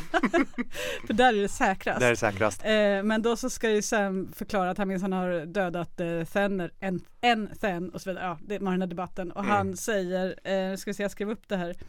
I stole a considerable number of books from the Citadel Library. Lägger han på sitt CV som badass-grejer han har gjort. Eh, Alltså han har dödat en Then, en White Walker och han har stulit jättemånga böcker. Han säger till och med att han har dödat Fenner och Dolores Ed säger en Fenner. Ja. Men den här sexdissen mot Dolores Ed fattar jag faktiskt inte riktigt. Att han inte har fått ligga. Ja men det ska ju ingen av dem göra egentligen. De nej nej men de andra har ju gjort det. Ja. Då är det såklart ett ret att inte han har fått det. Eh, Men han måste ju ha fått ligga innan han kom till muren tänker jag. Han var ju mycket äldre än dem. Han är äldre och han är dessutom adlig. Men du utgår ifrån att väldigt många har fått ligga. Ja, men det var ju kul här att eh, exakt samma fråga som vi dissekerade i förra avsnittet kring hur sexiga egentligen smeder är Mm. och hur mycket de får ligga faktiskt eh, klarlades. Fick ett svar. Mm. Fick ett svar när eh, Arya inte behöver nöja sig med ett ungefärligt svar heller utan hon vill ha ett exakt antal på hur många. För det var ju faktiskt precis det vi diskuterade, hur många kan han tänkas ha legat med? Vad kom vi fram till? Jag vet inte, jag hade nog ett tiotal i huvudet men Mm. eh, jag tror inte vi sa någon siffra. Nej, nej men jag var ju ändå inne på att han var så timid så att han inte skulle ha legat med någon. Exakt. Men, Men tre var det. Mm. Han har legat med tre. Mm. Och då räknar vi inte The Red Woman. Det låter inte som en rockstjärnetillvaro i Kings Landing. Alltså, Kings Landing är ju bara prostituerade och smeder. Men vi vet ju inte hur många gånger han har legat med var och en. Du menar att han är en sån seriemonogam kille? ja men han kanske haft tre flickvänner under lång tid. Och att, eh, det vet vi inte. Det får väl Arya fråga nästa gång om de båda lever. En, en rimlig fråga att följa upp med. Hur många gånger per tjej? Och lever de fortfarande? Ja, Är de fortfarande liksom så här, har ni relationen idag? Har ni kontakt? Kontakten, ja. ja. Vi, vi ramlar ju på något sätt rakt in i nu när de faktiskt hamnar i säng med varandra de här två. Och Mm. det är liksom som de har väntat och som de har suktat. Why your blood? I'm Robert Baratheon's bastard. I didn't know until she told me. And She tied me up, stripped me down, put leeches all over me. Was that your first time? Uh, yeah, I'd never had leeches put all over my Your first time with a woman? What? I, I didn't. I wasn't with her. Were you with other girls? Before that in King's Landing? Or after? You don't remember? Yes, I was. One, two, twenty? I didn't keep count. Yes, you did. Hon är en människokännare ändå. Mm. hon är en levande Free. lögndetektor. Nej men hur kan hon vara så världsvan? Men det har hon ju blivit i The House of Black and White. Äh, Hon har ju lärt sig att inte röra en min, att eh, genomskåda allt, att observera allt, att veta så fort någon ljuger. Klart hon vet allt nästan om Hon hade något sånt där sig. replikskifte med Sansa också i slutet på förra säsongen. Mm. Ja, när de Så skulle leka den här ljugleken. Ja. Mm. Eller hon berättade om den. Mm. Eh, så att eh, det är klart att hon, hon ser ju rakt igenom människor vid det här laget. Ja. Men Ja, Det, det var något du ville säga om den här. nej men jag, jag ser nu en grej som jag tycker att vi borde prata om och det är ju hennes vapen, alltså hennes hemmabygge som hon har beställt av Henry. Alltså man går och svischar runt under Som- den här konversationen. Ja, alltså för att det man ser om man tittar ordentligt på det nu när vi har fryst bilden några gånger är ju att det är ju en sån vanlig spjutspets på ena sidan. Men sen är det en långsmal spets på andra sidan. Och, och där var jag lite fundersam på för att på bilden man såg så kunde ju liksom de här spetsarna tas av. Mm. Eh, Men den bakre har vi inte sett någonting om. Alltså frågan är då om det är ett stickvapen för som ska användas mot drakar eller liksom vad, vad är planen med det här vapnet? Mm. Vad, vad är funktionerna med det? Vad, vad har ni för tankar om, om hennes liksom specialbygge för att så jävla kom, alltså, det är ju komplext på något sätt. Hon har ju ändå lämnat in en ritning. Mm. Mm. Men Vi varför? har också sett det användas i trailern. Mm. Mm. I scenen när hon springer så har hon det i handen. Och i scenen, i någon scen innan där så svingar hon runt det. Så att eh, det kommer ju brytas av eller skruvas av eller hur man nu gör. Mm.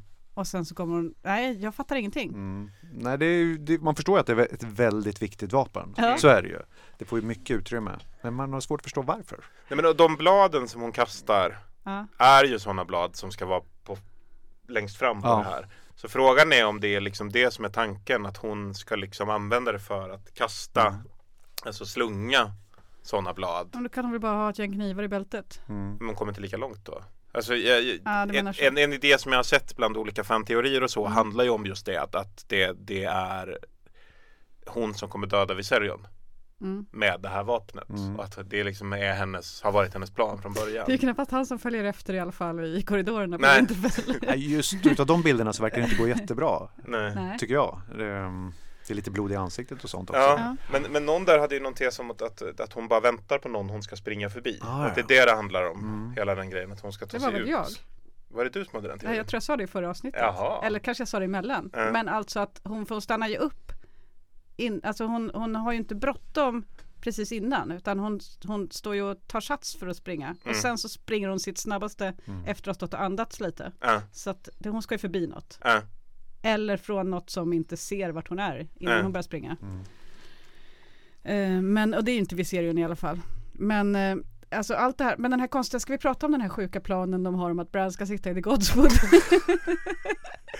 och då lura ut nattkungen. Men hur fan har de tänkt?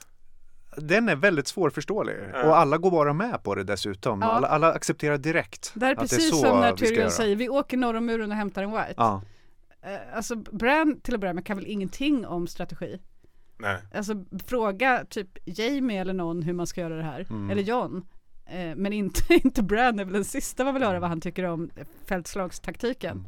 Och också varför skulle The Night King komma fram bara för att Bran sitter i The Godswood? Mm. Nej men det, det är jätteintressant för att det är så här, okej Han ska sitta i The Godswood, jag antar att det är för att hans krafter ökar Ja. När han Mm. håller i, i Weirwood-trädet Eh, Sen finns det ju andra saker här som faktiskt skulle kunna synka i dina tankar Jenny och det är ju att Theon, Theon. kommer finnas där Jag tänker det också. Det Mm. accepterade man också väldigt lätt att han bara skulle försvara. Ja, Bran. bara han och sju hjärnfödda Ja, är liksom de, de som ska stå och, och försvara Bran ja. Det är ingen armé direkt Och alltså. någonstans där förstår Theon att om han eh, ger sitt blod till Weirwood-trädet då blir det en superboost. Mm. Nej men det, det, det, är liksom, det, det är ju inte alls orimligt men, men hela planen är ju så jävla orimlig Så att det är, är, är helt löjligt för att det är så här Visst, du blir starkare där, absolut, toppen och det, och det kanske är en del i hur de ska bekämpa Nattkungen också Att, att krafterna blir, hans, hans krafter är så pass starka där så att han kan utmana Ja. Han kanske går in på astralplanet och slåss mot The Night King Ja. på något Det är sätt. där det sker. Men, Mm. men de ska ju liksom lura in The Night King i Godswooden och, och det finns väl ingenting som talar för att det skulle kunna hända, eller skulle hända. Alltså skulle kunna hända finns det ju massor som talar för, men Mm. att det skulle hända, då måste ju Nattkungen vara helt dum i huvudet. Ja. För att de är, har en mycket större armé. Han kan väcka alla till liv som stupar i det här slaget. Ja. Så att han kan dubbla sin Han har armé ganska tiden på snabbt. sin sida. Han har ganska mycket tiden på sin Verkligen. sida. Varför skulle han bara säga, nej men jag tror jag går in här och fixar det här lite snabbt. Det är bäst att jag gör, löser det här fort nu. Och det här är definitivt inte någonting som tv-skaparna har hittat på utan det här måste ju ingå i George R. R. Martins Jag såg någon intervju förresten på hur exakt hur det gick till när de här bullet pointsen presenterades Mm. och det eh, var en två dagars konferens berättade typ någon av eh, skaparna av tv-serien Satt de på en kursgård då? de var på typ Typ en kursgård, ja. De var på typ en kursgård. Eh, Han nämnde typ stället men jag kommer inte ihåg vad det hette. Mm. Och så var de i två dagar och så drog George R. R. Martin igenom Det här sommarstället i Dirty Dancing. drog han igenom vad som skulle hända och sen så, sen, och det var vad de fick. Eh. Ja. Mm. Nej men och det märker man ju med jämna mellanrum. Och det här är väl ett av de fallen. Där det är så här, det här löste vi lite för enkelt. Det Ja. håller inte riktigt när man tänker efter. Nej. Nej. Men det lär ju hålla när George R. Martin skriver det tänker jag. Om han någonsin skriver det. Det var ju Ja. någon som föreslog på Twitter att vi skulle göra en eh, uppsnack inför Winter Winter. Winter. Men som sagt, det vet vi inte när det är. Tänk om han dör Ja. och vi får hålla på i all evighet. Vi sitter och väntar och väntar. Och det. Vi skriver en egen. Nej men det går ju inte. Nej men, nej, men jag, jag tror att det här är, är en, ett klassiskt fall utav att George. R. Martin har gett dem Mm. en, punkt så här, så här ska det vara i historien. Mm. Mm. Och så får de inte riktigt ihop det för han kanske inte riktigt har fått ihop det. Det Mm. känns ju som med rätt många av de här punkterna han har Mm. på vägen att han, alltså det är därför han aldrig blir klar med böckerna. Det är Att- för svårt. Att det är för svårt att få ihop det på ett snyggt sätt. Och därför ibland så blir det bara det här att alla bara Ja ja det är Bran han är ute efter. Nattkungen visst, vi kör. Ja. Ja men ska inte du sitta i The Godswood och vänta tillsammans med sju Ironborn? Det blir perfekt. Ja ja, så står vi andra här. Kan man döda dem med drakeld tror du? Nej, jag har ingen aning. Det, nej, det, det vet vi inte. Men Okej, då skiter vi i drakeld och tar dem någon annanstans. De här, jag däremot Theon är Greyjoy och hans sju järnfödda, det är perfekt där. Är det någonting vi vet, alltså de här White Walkersna, de dör ju inte av eld och de kanske inte dör av drakeld heller, det vet Nej. vi inte. Men däremot den här odöda armén, de behöver man ju bara typ toucha med en fackla så flammar de upp. Ja. Så att, eh, att bara köra med en drake över större delen av den, ett, bara ett svep med Viserion eller så. Skulle vara Nej ganska vad säger jag, inte effektivt. Viserion, han är ju dra- odöd. Ja det skulle Ja, vara ja. effektivt. Men då kommer det ju ett isspjut flygandes. Det är det man känner på sig Mm. hela tiden. Det är, Drakfight. Ja. Jo men den här armén är ju så stor att det måste finnas delar utav den som är rätt långt från närmsta White Walker mm. också. Men ja, det kanske inte är värt att riskera. Men vad ska man ens ha drakarna till annars? Om inte för att besegra den här armén. Men det är så här typiskt grej som när man har köpt någonting väldigt, väldigt dyrt. Typ Ja, ett sen vill man radiostyrt inte- flygplan eller något sånt. Ja, så vill Vet man de inte hur du ska Och använda så det? vill man inte flyga det för Nej, att man är rädd för att sönder. det ska gå sönder. Ja. Alltså det, det, det är ju ett dilemma. Och det, det är ju där Daenerys någonstans får ta och bestämma sig. Ja, de tänker väldigt För först- traditionellt här För alltså. först så körde hon ju väldigt hårt Mm. tills en av dem kraschade och det, sen har hon ju blivit lite flygrädd efter det. Ja. Eller det har hon inte men, men hon, hon, de tänker ju ändå sig för lite nu. Briennes överlevnadschanser dock är väl väldigt små. Om vi nu ska eh, riva av de sista, alltså efter det här avsnittet. Peak i livet. Mm. Eh, Blir det där peak i karriären. Eh, avsnittet heter A Night of the Seven Kingdoms. mm. Mm. Vilket är vad hon blir i eh, Mm. och det tyder väl på att det inte blir att hon inte har många minuter kvar av tv-tid. Alltså det beror ju på vad man tror kommer hända med Jamie på något sätt. För nu tror jag vi ändå Mm. kan enas om att det är hon som är younger and more beautiful. Som har tagit Jamie från, ja. Ja, För nu, han uppger ju det som skäl till att han drar. ja. Det är Brienne han åker för, inte Mm. för att slåss för de levande bara. Mm. Men, eh, jo men också, för grejen är att när eh, vi i trailern skriker ju Jamie no Mm. och tittar åt ett håll och i, precis innan har vi då sett, det här kan ju vara hopsatt i trailern bara, men Mm. vi har då sett Brienne stå och slåss. Mm. Så Eh, tänker Bri- Jag Brienne tänker att Brienne som- dör i slaget. För Ja. de kommer ju stå rygg mot rygg i den där, som i den där drömmen. Ja, det tror jag också. Och När sen de- så kommer Brienne dö och Jamie kan inte rädda henne Mm. och sen, sen får han ytterligare en personlighetsförändring. Eh, Du tror Jamie är kvar i alla fall efter nästa? det tror jag. Ja, jo för att han har ju uppgörelse med Cersei. Ja. Jag tror Sir Davos överlevnadschanser är ganska låga. Men han hade inget starkt moment i det här avsnittet. Men vad, vad finns det för starka moment för Sir Davos? Han har ju inga drivkrafter. Servera soppa. Han serverar soppa. Det kanske Det var en starka kanske var moment. löksoppa. Ja. Men starkt moment hade ju dock Theon så att han är ju, Theon tror jag är helt körd. ja, Där, där finns efter det. det här. Att, Och du har ju redan konstaterat att han inte har något värde. Som människa, individ. Som människa. nej men som eh, person vi känner för har han ju det. Mm. Men just därför så, de vill väl döda av några vi känner för. Ja. Mm. Nej, men han har ju sett lite valpigt, ledsen och glad ut när han träffade Sansa och sådär. Så det, det är ett bra läge för honom att och, och Ja. gå vidare nu. Ja. Kan man väl säga. Ja. Och, och det kommer hända något i The Godswood där han offrar sig Mm. för Brands skull. Och det, det kommer bli snyggt. Det kommer bli... bli snygg, ärorik. Och sen kommer Ja, död. antingen Lyanna Mormont eller Jorah Mormont dö då. Mm. De jag hade ju det här eh, snacket Mm. på gården. Och jag tror att Jorah Mormont är den som dör. För att jag tror att, att det, det mest logiska för den fortsatta storyn är att Daenerys känner sig ensam. Mm. Och därigenom mer utsatt. Och därigenom så kommer hon bli aggressivare Mm. också. Samtidigt så vore det en stark känslomässig impact på publiken att döda av Lyanna Mormont. Eller hur? att hon kanske är white Mm. och sen så ser man hennes ögon ding, så här, öppnas och så kommer hon och börjar slåss. Så att Jorah måste liksom slåss mot Lyanna som Men de Som kan dö det. båda två. Ja, det kan de göra. Men, men, men, Men vad händer med svärdet ifall han dör? Vem får det då? Tänk om det blir kvar på slagfältet. Du vill inte förlora Heartsbane nu när den Det är så jävla löjligt namn. Det är som ett något så här töntigt iPad-spel eller något sånt där. Är, nej, jag gillar inte det. Alltså det är inte värre än Widows Whale. Men det är lustigt att han kommer efter att ha varit eh, landsförvisad i evighet och Lena har styrt saker och ska farsa. Eh, Han är ju kusin, inte farsa, men han ska ändå liksom hålla på och vara så här Mm. faderlig. Är det lite sent påtänkt nu? Ja men och de har ju typ aldrig träffats. Nej. Och hon är ändå ganska kaxig mot honom där. Ja. Och kallar honom för kusin. Och, alltså hon är ju så här du och bror med honom. Ja. Men, men, men jag tror att, jag tror till och med att det du säger skulle mycket väl kunna hända. Att hon dör först, blir en zombie, dödar honom. Eh, för att han inte klarar av den. Känslomässiga problemet men med han, han är ju lite för snäll. Han skulle inte klara en zombiekatastrof egentligen. Nej, Faktiskt. eller jo. Han hade inget problem att bara slakta folk eh, på, i the fighting pits när han skulle imponera på Daenerys. Men han kände inte för dem, han kände för Daenerys. Ja, gjorde Faktiskt. Jo, Han känner ju väldigt mycket. Man kan ju säga att han, han, han, han, är, han är passionerad i sitt jobb. väldigt. Eh, men, men däremot så tror jag att Grave Worm och Miss, Grave Worm och Miss Sunday kommer dö. Mm, de fick ut sista hångel. Ja. Mm, verkligen. Och det är också så här, då skär vi av Daenerys ännu mer Ja. från Mm. liksom allt som håller hennes fötter på marken. Jag tycker hela slutscenen också med Daenerys, alltså att visa på att din teori mycket väl kan stämma. Alltså Mm. hon kommer bli ännu mer isolerad och bara tänka på makten.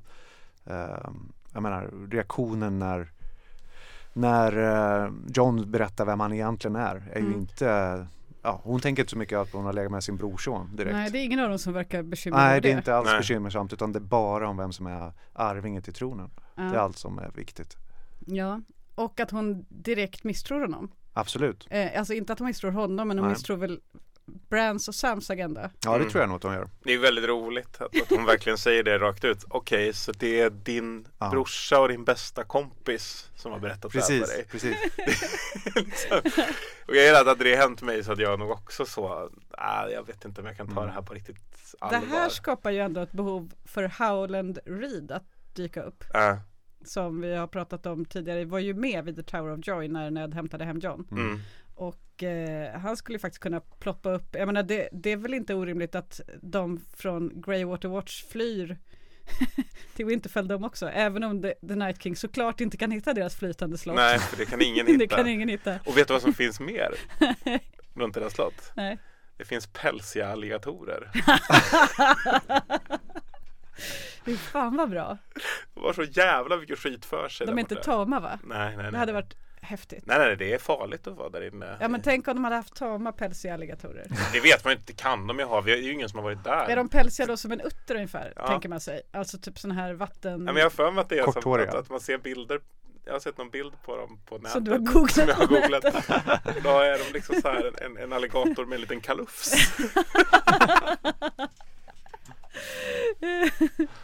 ja. Låt oss hoppas att det inte, de inte lägger CGI-budget på detta. Vi skiter i Ghost. Pälsiga alligatorer en alligator med frisyr. Det är vi se. Nej men köttätande enhörning kan jag tänka mig men inte en pälsig alligator i sig. Nej, men varför finns det så mycket skit i faunan där uppe i Norden egentligen? Alltså det, Ja. De här köttätande enhörningarna verkar helt fruktansvärda. Gud, tänk om de verkligen hade maxat ut, när de har gjort tv-serien, verkligen maxat ut på alla dessa fantastiska vidunder. Ja. Som, så att det hade varit en så här bärande del av hela historien att man ska hålla på CGI-visa knäppa djur. De kunde ha gjort det snabbt att om vi hade samlat alla på något zoo eller något. eller ännu bättre om de hade gjort det så här Battlestar. Galactica eller vad heter det, Babylon 5 CGI från 90-talet. Så allting är bara så här, så här gräsklipparmannen-artat. Men är det någonting vi behöver säga om det här avgörande ögonblicket när, förutom det då att, jag menar Daenerys reagerar ju inte så positivt på den här nyheten. Nej, verkligen Men inte. John presenterar den ju inte så jävla smidigt heller. Nej, men det kan man aldrig förvänta sig av John Nej. att han ska göra. Men det känns ju som att det har stigit honom mer åt huvudet än, eh, än vad man kunde tro. Mm. Att Ja, jag- han är mer besatt för det här. Jag tror det också. Jag tror att det håller på att växa i honom att han ska sitta på tronen egentligen. Att, att han är, det Men det skulle han ju rätt. göra ändå om de gifter sig. Alltså det är det som stör mig lite med det här. Att, att det är väl inga problem för dem att dela på den makten och båda sitta på järntronen egentligen. Alltså om de nu är kära i varandra. Nej. Så vad är deras problem? Ja, men deras problem är väl att John tidigare har trott att han är nobody. Ja.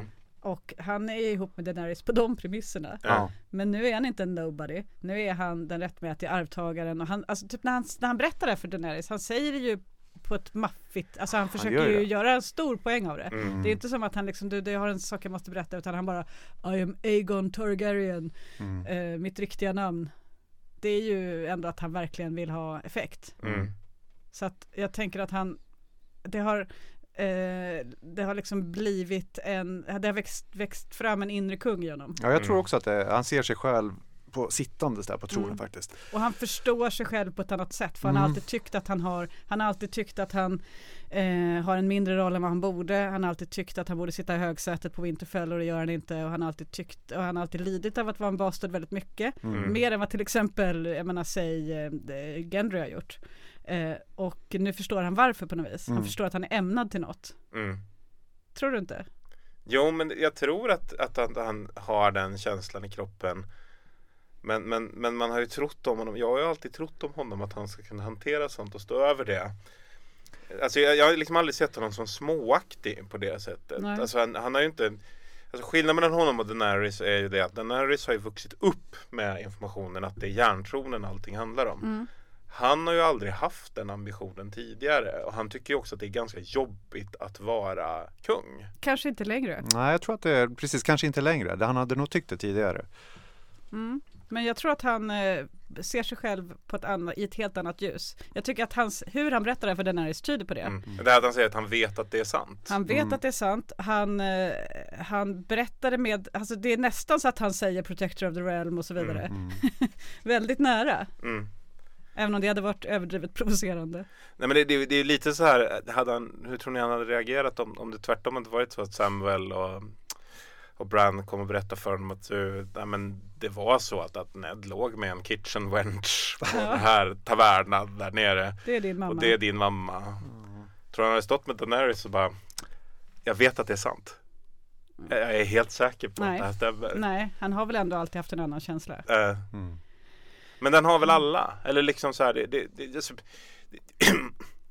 det är väl nästan alltid grunden i sådana här fantasyberättelser att, att Man den, den knyter an till barns idé om sig själva som att man egentligen är någonting mycket större. Mm. En hemlig Targaryen. Mm. Ämnet för någonting. Ja, i, i de här böckerna så är ju alla hemliga Targaryens egentligen. Ja, det återstår ju att se om Tyrion det, nu känns det som att den plotten är död. Den är helt död. Men eh, den kan ju alltid återupplivas genom någon antydan eller något. Ja, nej men det är helt dött. Men den är död nu. Men eh, en sista sak bara. Mm. För vi måste väl avrunda. Men jag hade verkligen, verkligen. Det finns ju en scen där när eh, Tyrion och Bran blir ensamma. Mm. Och eh, Tyrion då Mm. ska eh, han, han tar fram en stol och bara berätta nu allt för mig. Först Eh, frågan om man behöver hjälp att rulla ut rullstolen. Ja, vilket är den första gången som någon frågar Bran om han behöver Ja. hjälp Ja, med rullstolen. hjärta. Och jag Ja. tänkte faktiskt på det när, när man såg Bran sitta i The Godswood ensam. det är ganska kallt ute. Den är inte helt anpassad för att liksom Nej. skötas på, e- på egen hand. Utan det måste faktiskt vara någon som hjälper till. Han har ju ingen Hodor längre. Nej. Man har ju inte sett många ramper i slottet Nej. överhuvudtaget alltså, så det är svårt att ta sig fram. Men Ja, han kan ju typ eh, åkalla ett gäng kråkor som kan knuffa. Vad det kunna göra? Det skulle vara mäktigt. Ja. Ja. Eller, eller ett, överhuvudtaget ett stort gäng smådjur. Det kommer Mm. liksom alla skogens smådjur, harar, ekorrar och grejer. Och Och hans... Snövit. Ja, det skulle han ju lätt kunna göra. Istället för rullstol. Mm. Att han har liksom som en Han bärstol av... ligger på, på, ett, på, ett, på ett golv av lämlar. Som, så han liksom glider fram. Men för jag var 100% säker när Tyrion tog fram stolen och satte sig ner att Mm. han skulle fråga Where do horse go? Han skulle fråga var är Taisha? För i böckerna är han fullkomligt besatt av den tanken. Mm. Eh, han, det visar sig att han har liksom typ hans, hans familj har typ våldtagit och han själv också och lurat och fördrivit en fullkomligt ärbar ung kvinna som var hans fru. Mm. Eh, och han är såklart besatt av det här stora misstaget Mm. som har begåtts som är Jamiesons pappas fel men ändå han, han har ändå tagit del utav det. Och, eh, och har letat och letat och letat. Och nu har han uppslagsverket på plats. Mm. Han kan ju fråga, det första jag skulle fråga om jag var Tyrion, trots allt som håller på att hända är, var är Taisha? Men det gör han inte. Nej. Jag är sur på det. Eller vi vet väl inte alls vad han frågar. De Nej, klipper ju nej, bara där. exakt. Ja, Vi, vi får väl utgå från Vi att ut- han, men jag tänker också att det skulle berö- svaret vad det än är skulle ha stor känslomässig inverkan på Tyrion. Han skulle Mm. inte, Men efter avsnitt 6 kanske kommer någon sån scen där det är lite solnedgång. Han och Jamie tar farväl av varandra. Han berättar att han ska segla iväg i någon liten kanot. Ja. här- li- Lite som när, när, när, när råttan i Narnia ska ro till Gud. I sin lilla kanal. till sin kanon. lilla Tyrion på en liten kanot. Ja, ripipipp. Och då ska han iväg över den här och Sea för att träffa Taisha. Ja, precis. I Bravos kanske. För han har fått reda på vart prostituerade Mm. går. Äntligen. Äntligen. Det är det som är det bittersweet ending. oväntat slut ändå. Ja, men en sista grej som vi ändå måste lyfta är The White Walkers som vi nu får se. Hur jävla många? Men återigen CGI-besparingar. De hade råd att göra döda hästar, men inga isspindlar. Nej, Ice Spiders big as hounds ska Mm. vi se. Man förväntar sig lite isspindlar Men nu. det kan komma fortfarande. Nej, jag tror inte det kommer. I slaget. Mm. Men vad häftigt. Mm. Om det kommer. Nej, det är inte så häftigt. Inte lika häftigt som alligatorer med päls. Tänk om Howland Reed dyker upp Ridandes med en på. jättearmé av alligatorer med päls. Det vore ju mäktigt. Kastandes alligatorpäron.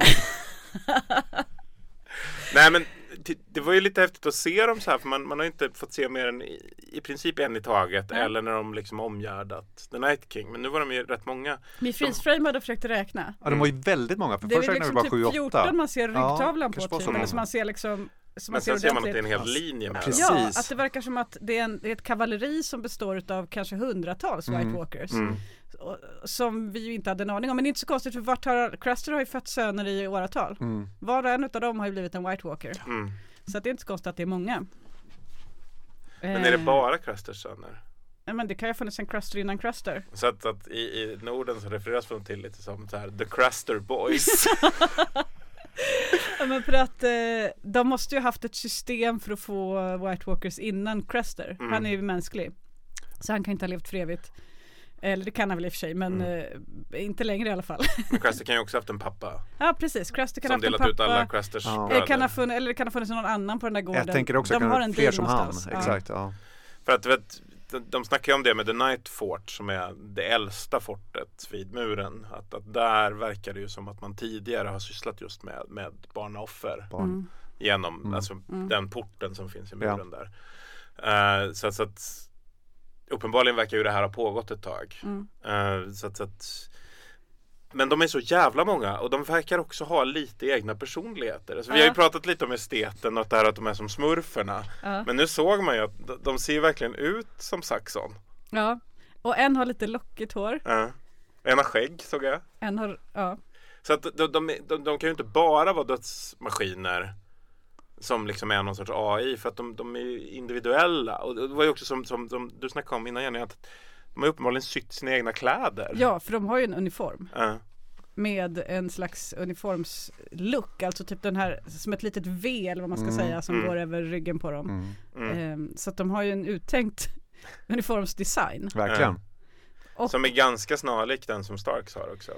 Ja, men den är snarlik, alltså det där tänkte jag ju på i The Battle of the Bastards också, hur jobbigt det är att se skillnad på Bolton och Stark armor. Alltså alla i Norden har ju ganska likt armor. Mm. Mm. Så att eh, med, med de här liksom axelutskjutningarna och eh, alltså de har det är en slags look som man kör på. Mm. Svartgarvat läder. Ja, men eh, och då, så de är väl lika, jag tänker att de är väl lika lika Amber Armor som Stark Armor egentligen. Mm. Men att de har en specifik design som alla tydligen har i den här armén. Fast inte i säsong ett. För det var en näck, sån här som på typ Hulkenbrallor. Ja. Alltså sådana här brallor som har gått sönder. Jo men det är verkligen så, de har ju ökat sin fashion sense ganska Ja. mycket över Ja, det, säsongerna. är, det är klart det går bra liksom, då tar man ju nytt folk. Någon som får ta hand om hur man ska se ut på de viktiga Det slagen. är lite som man får lite fler väljare i ett val och så helt plötsligt har partikassan ökat rejält. Ja, ja, jag tror att det är det. Ja. Och det- man har råd att ta in Ja. liksom så här vettiga kommunikationsbyråer helt plötsligt Exakt. istället för att göra det själv. Och, Kanske lite extra merch kopplat Ja. till olika slag och sånt där. Vad man ska Precis. sälja för. Du såg briefen ut då som The White Walkers gjorde på byrå. Ja, jag skulle framförallt vilja höra alltså när byrån ska liksom, Pitchen. ja, pitchen skulle man ju verkligen vilja höra. Ja. Vad var de två förslagen som de hade liksom, som de tänker svart, själva tog med vi som, tänker som läder. de visste inte skulle hålla. vi tänker svart, vi tänker läder. Ja! Och de andra, de som körde på liksom mera så här, eh, vi tänker att, eh, men det kanske den andra byrån kanske körde på den här Children of the Forest-looken, Ja. att man ska väva in gräs i håret Ja, ja, ja. och Mm. sånt. Naturligt. Hulkbyxor. De kände att det inte är coolt. vi tänker organisk look, men nej. De gick på svart läder. Ja, Mm. De, de har, de, det kan vara Sansa som var byrån. För hennes leather armor i avsnittet är, Ja den är top notch. det är det är top top notch. verkligen. värdigt nattkungen. Mm. Ja.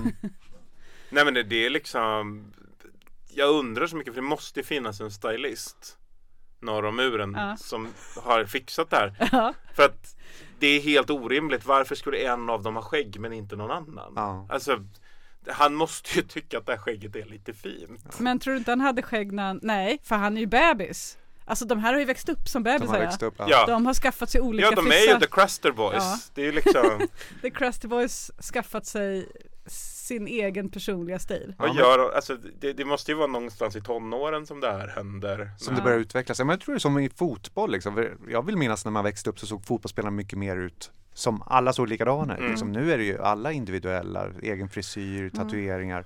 Det måste ju ha gått samma trend här. Men det kom väl liksom med den här individualiseringen och stjärnstatusen. Ja, ja. Alltså det är liksom Fredrik. Ljungberg hade ju liksom inte de här individuella frisyrerna från början. Nej. Det kom ju liksom med att, att han blev en superstjärna. Men det känns lite som de här fortfarande är i Fredrik Ljungberg-fasen. Nej, Gör det Claes inte det? Ingesson snarare tänker jag. Det, är- det är liksom, de här kommer direkt från Ödeshög. Det ser Men de har ju förra långa natten mm. så var, så, så var de ju antagligen färre i eh, den här, eh, färre White Walkers eftersom de då inte har hållit på med Cruster, Cruster, Crusters Keep i årtusenden. Nej. Men om de nu har gjort det, alltså det här kan ju vara en väldigt stor skillnad i leverage jämfört Mm. med förra långa natten. Mm. Att de faktiskt har skapat White Walkers. Och Var och en av dessa White Walkers såg ut att ha ett sånt här um, drakdödarspjut i handen. Ja, Mm. Så att det de är är svårt fokuserade på draken. att... Ja, ja men det är Eller klart de är. drakarna. Mm. Tänk om de har tre drakar. Då har de ju, Mm. då blir det svårt att se. Och jag tänker också dramaturgiskt när man berättar sådana här historier. Mm. Såna här historier. Jag vet ju hur man berättar sådana här historier va? Och då brukar man ju, nej men en viktig del är ju att, eh, jag menar nu är det ojämnt, de är många, men det måste nästan bli ännu mer ojämnt innan eh, man vinner. Ja. Mm. Det vill säga de måste ha något ytterligare leverage. Antingen Mm. att, att man förlorar slaget om Winterfell stort, det är bara några få som flyr. Mm. Och det, det är nästa, alltså typ näst, nästa avsnitt så ser vi liksom överlevande bara. Eh, vilket ju hintas, alltså det är vad Jamie verkar tro till exempel, det är vad flera säger att ja, men vi kommer bara vara, vi kom, de som flyr kommer inte räcka för att besegra eh, The Golden Company. Men eh, det kan ju också vara alltså något annat typ av leverage som alla drakar blir White Walkers. Mm. Och Lyanna Mormont.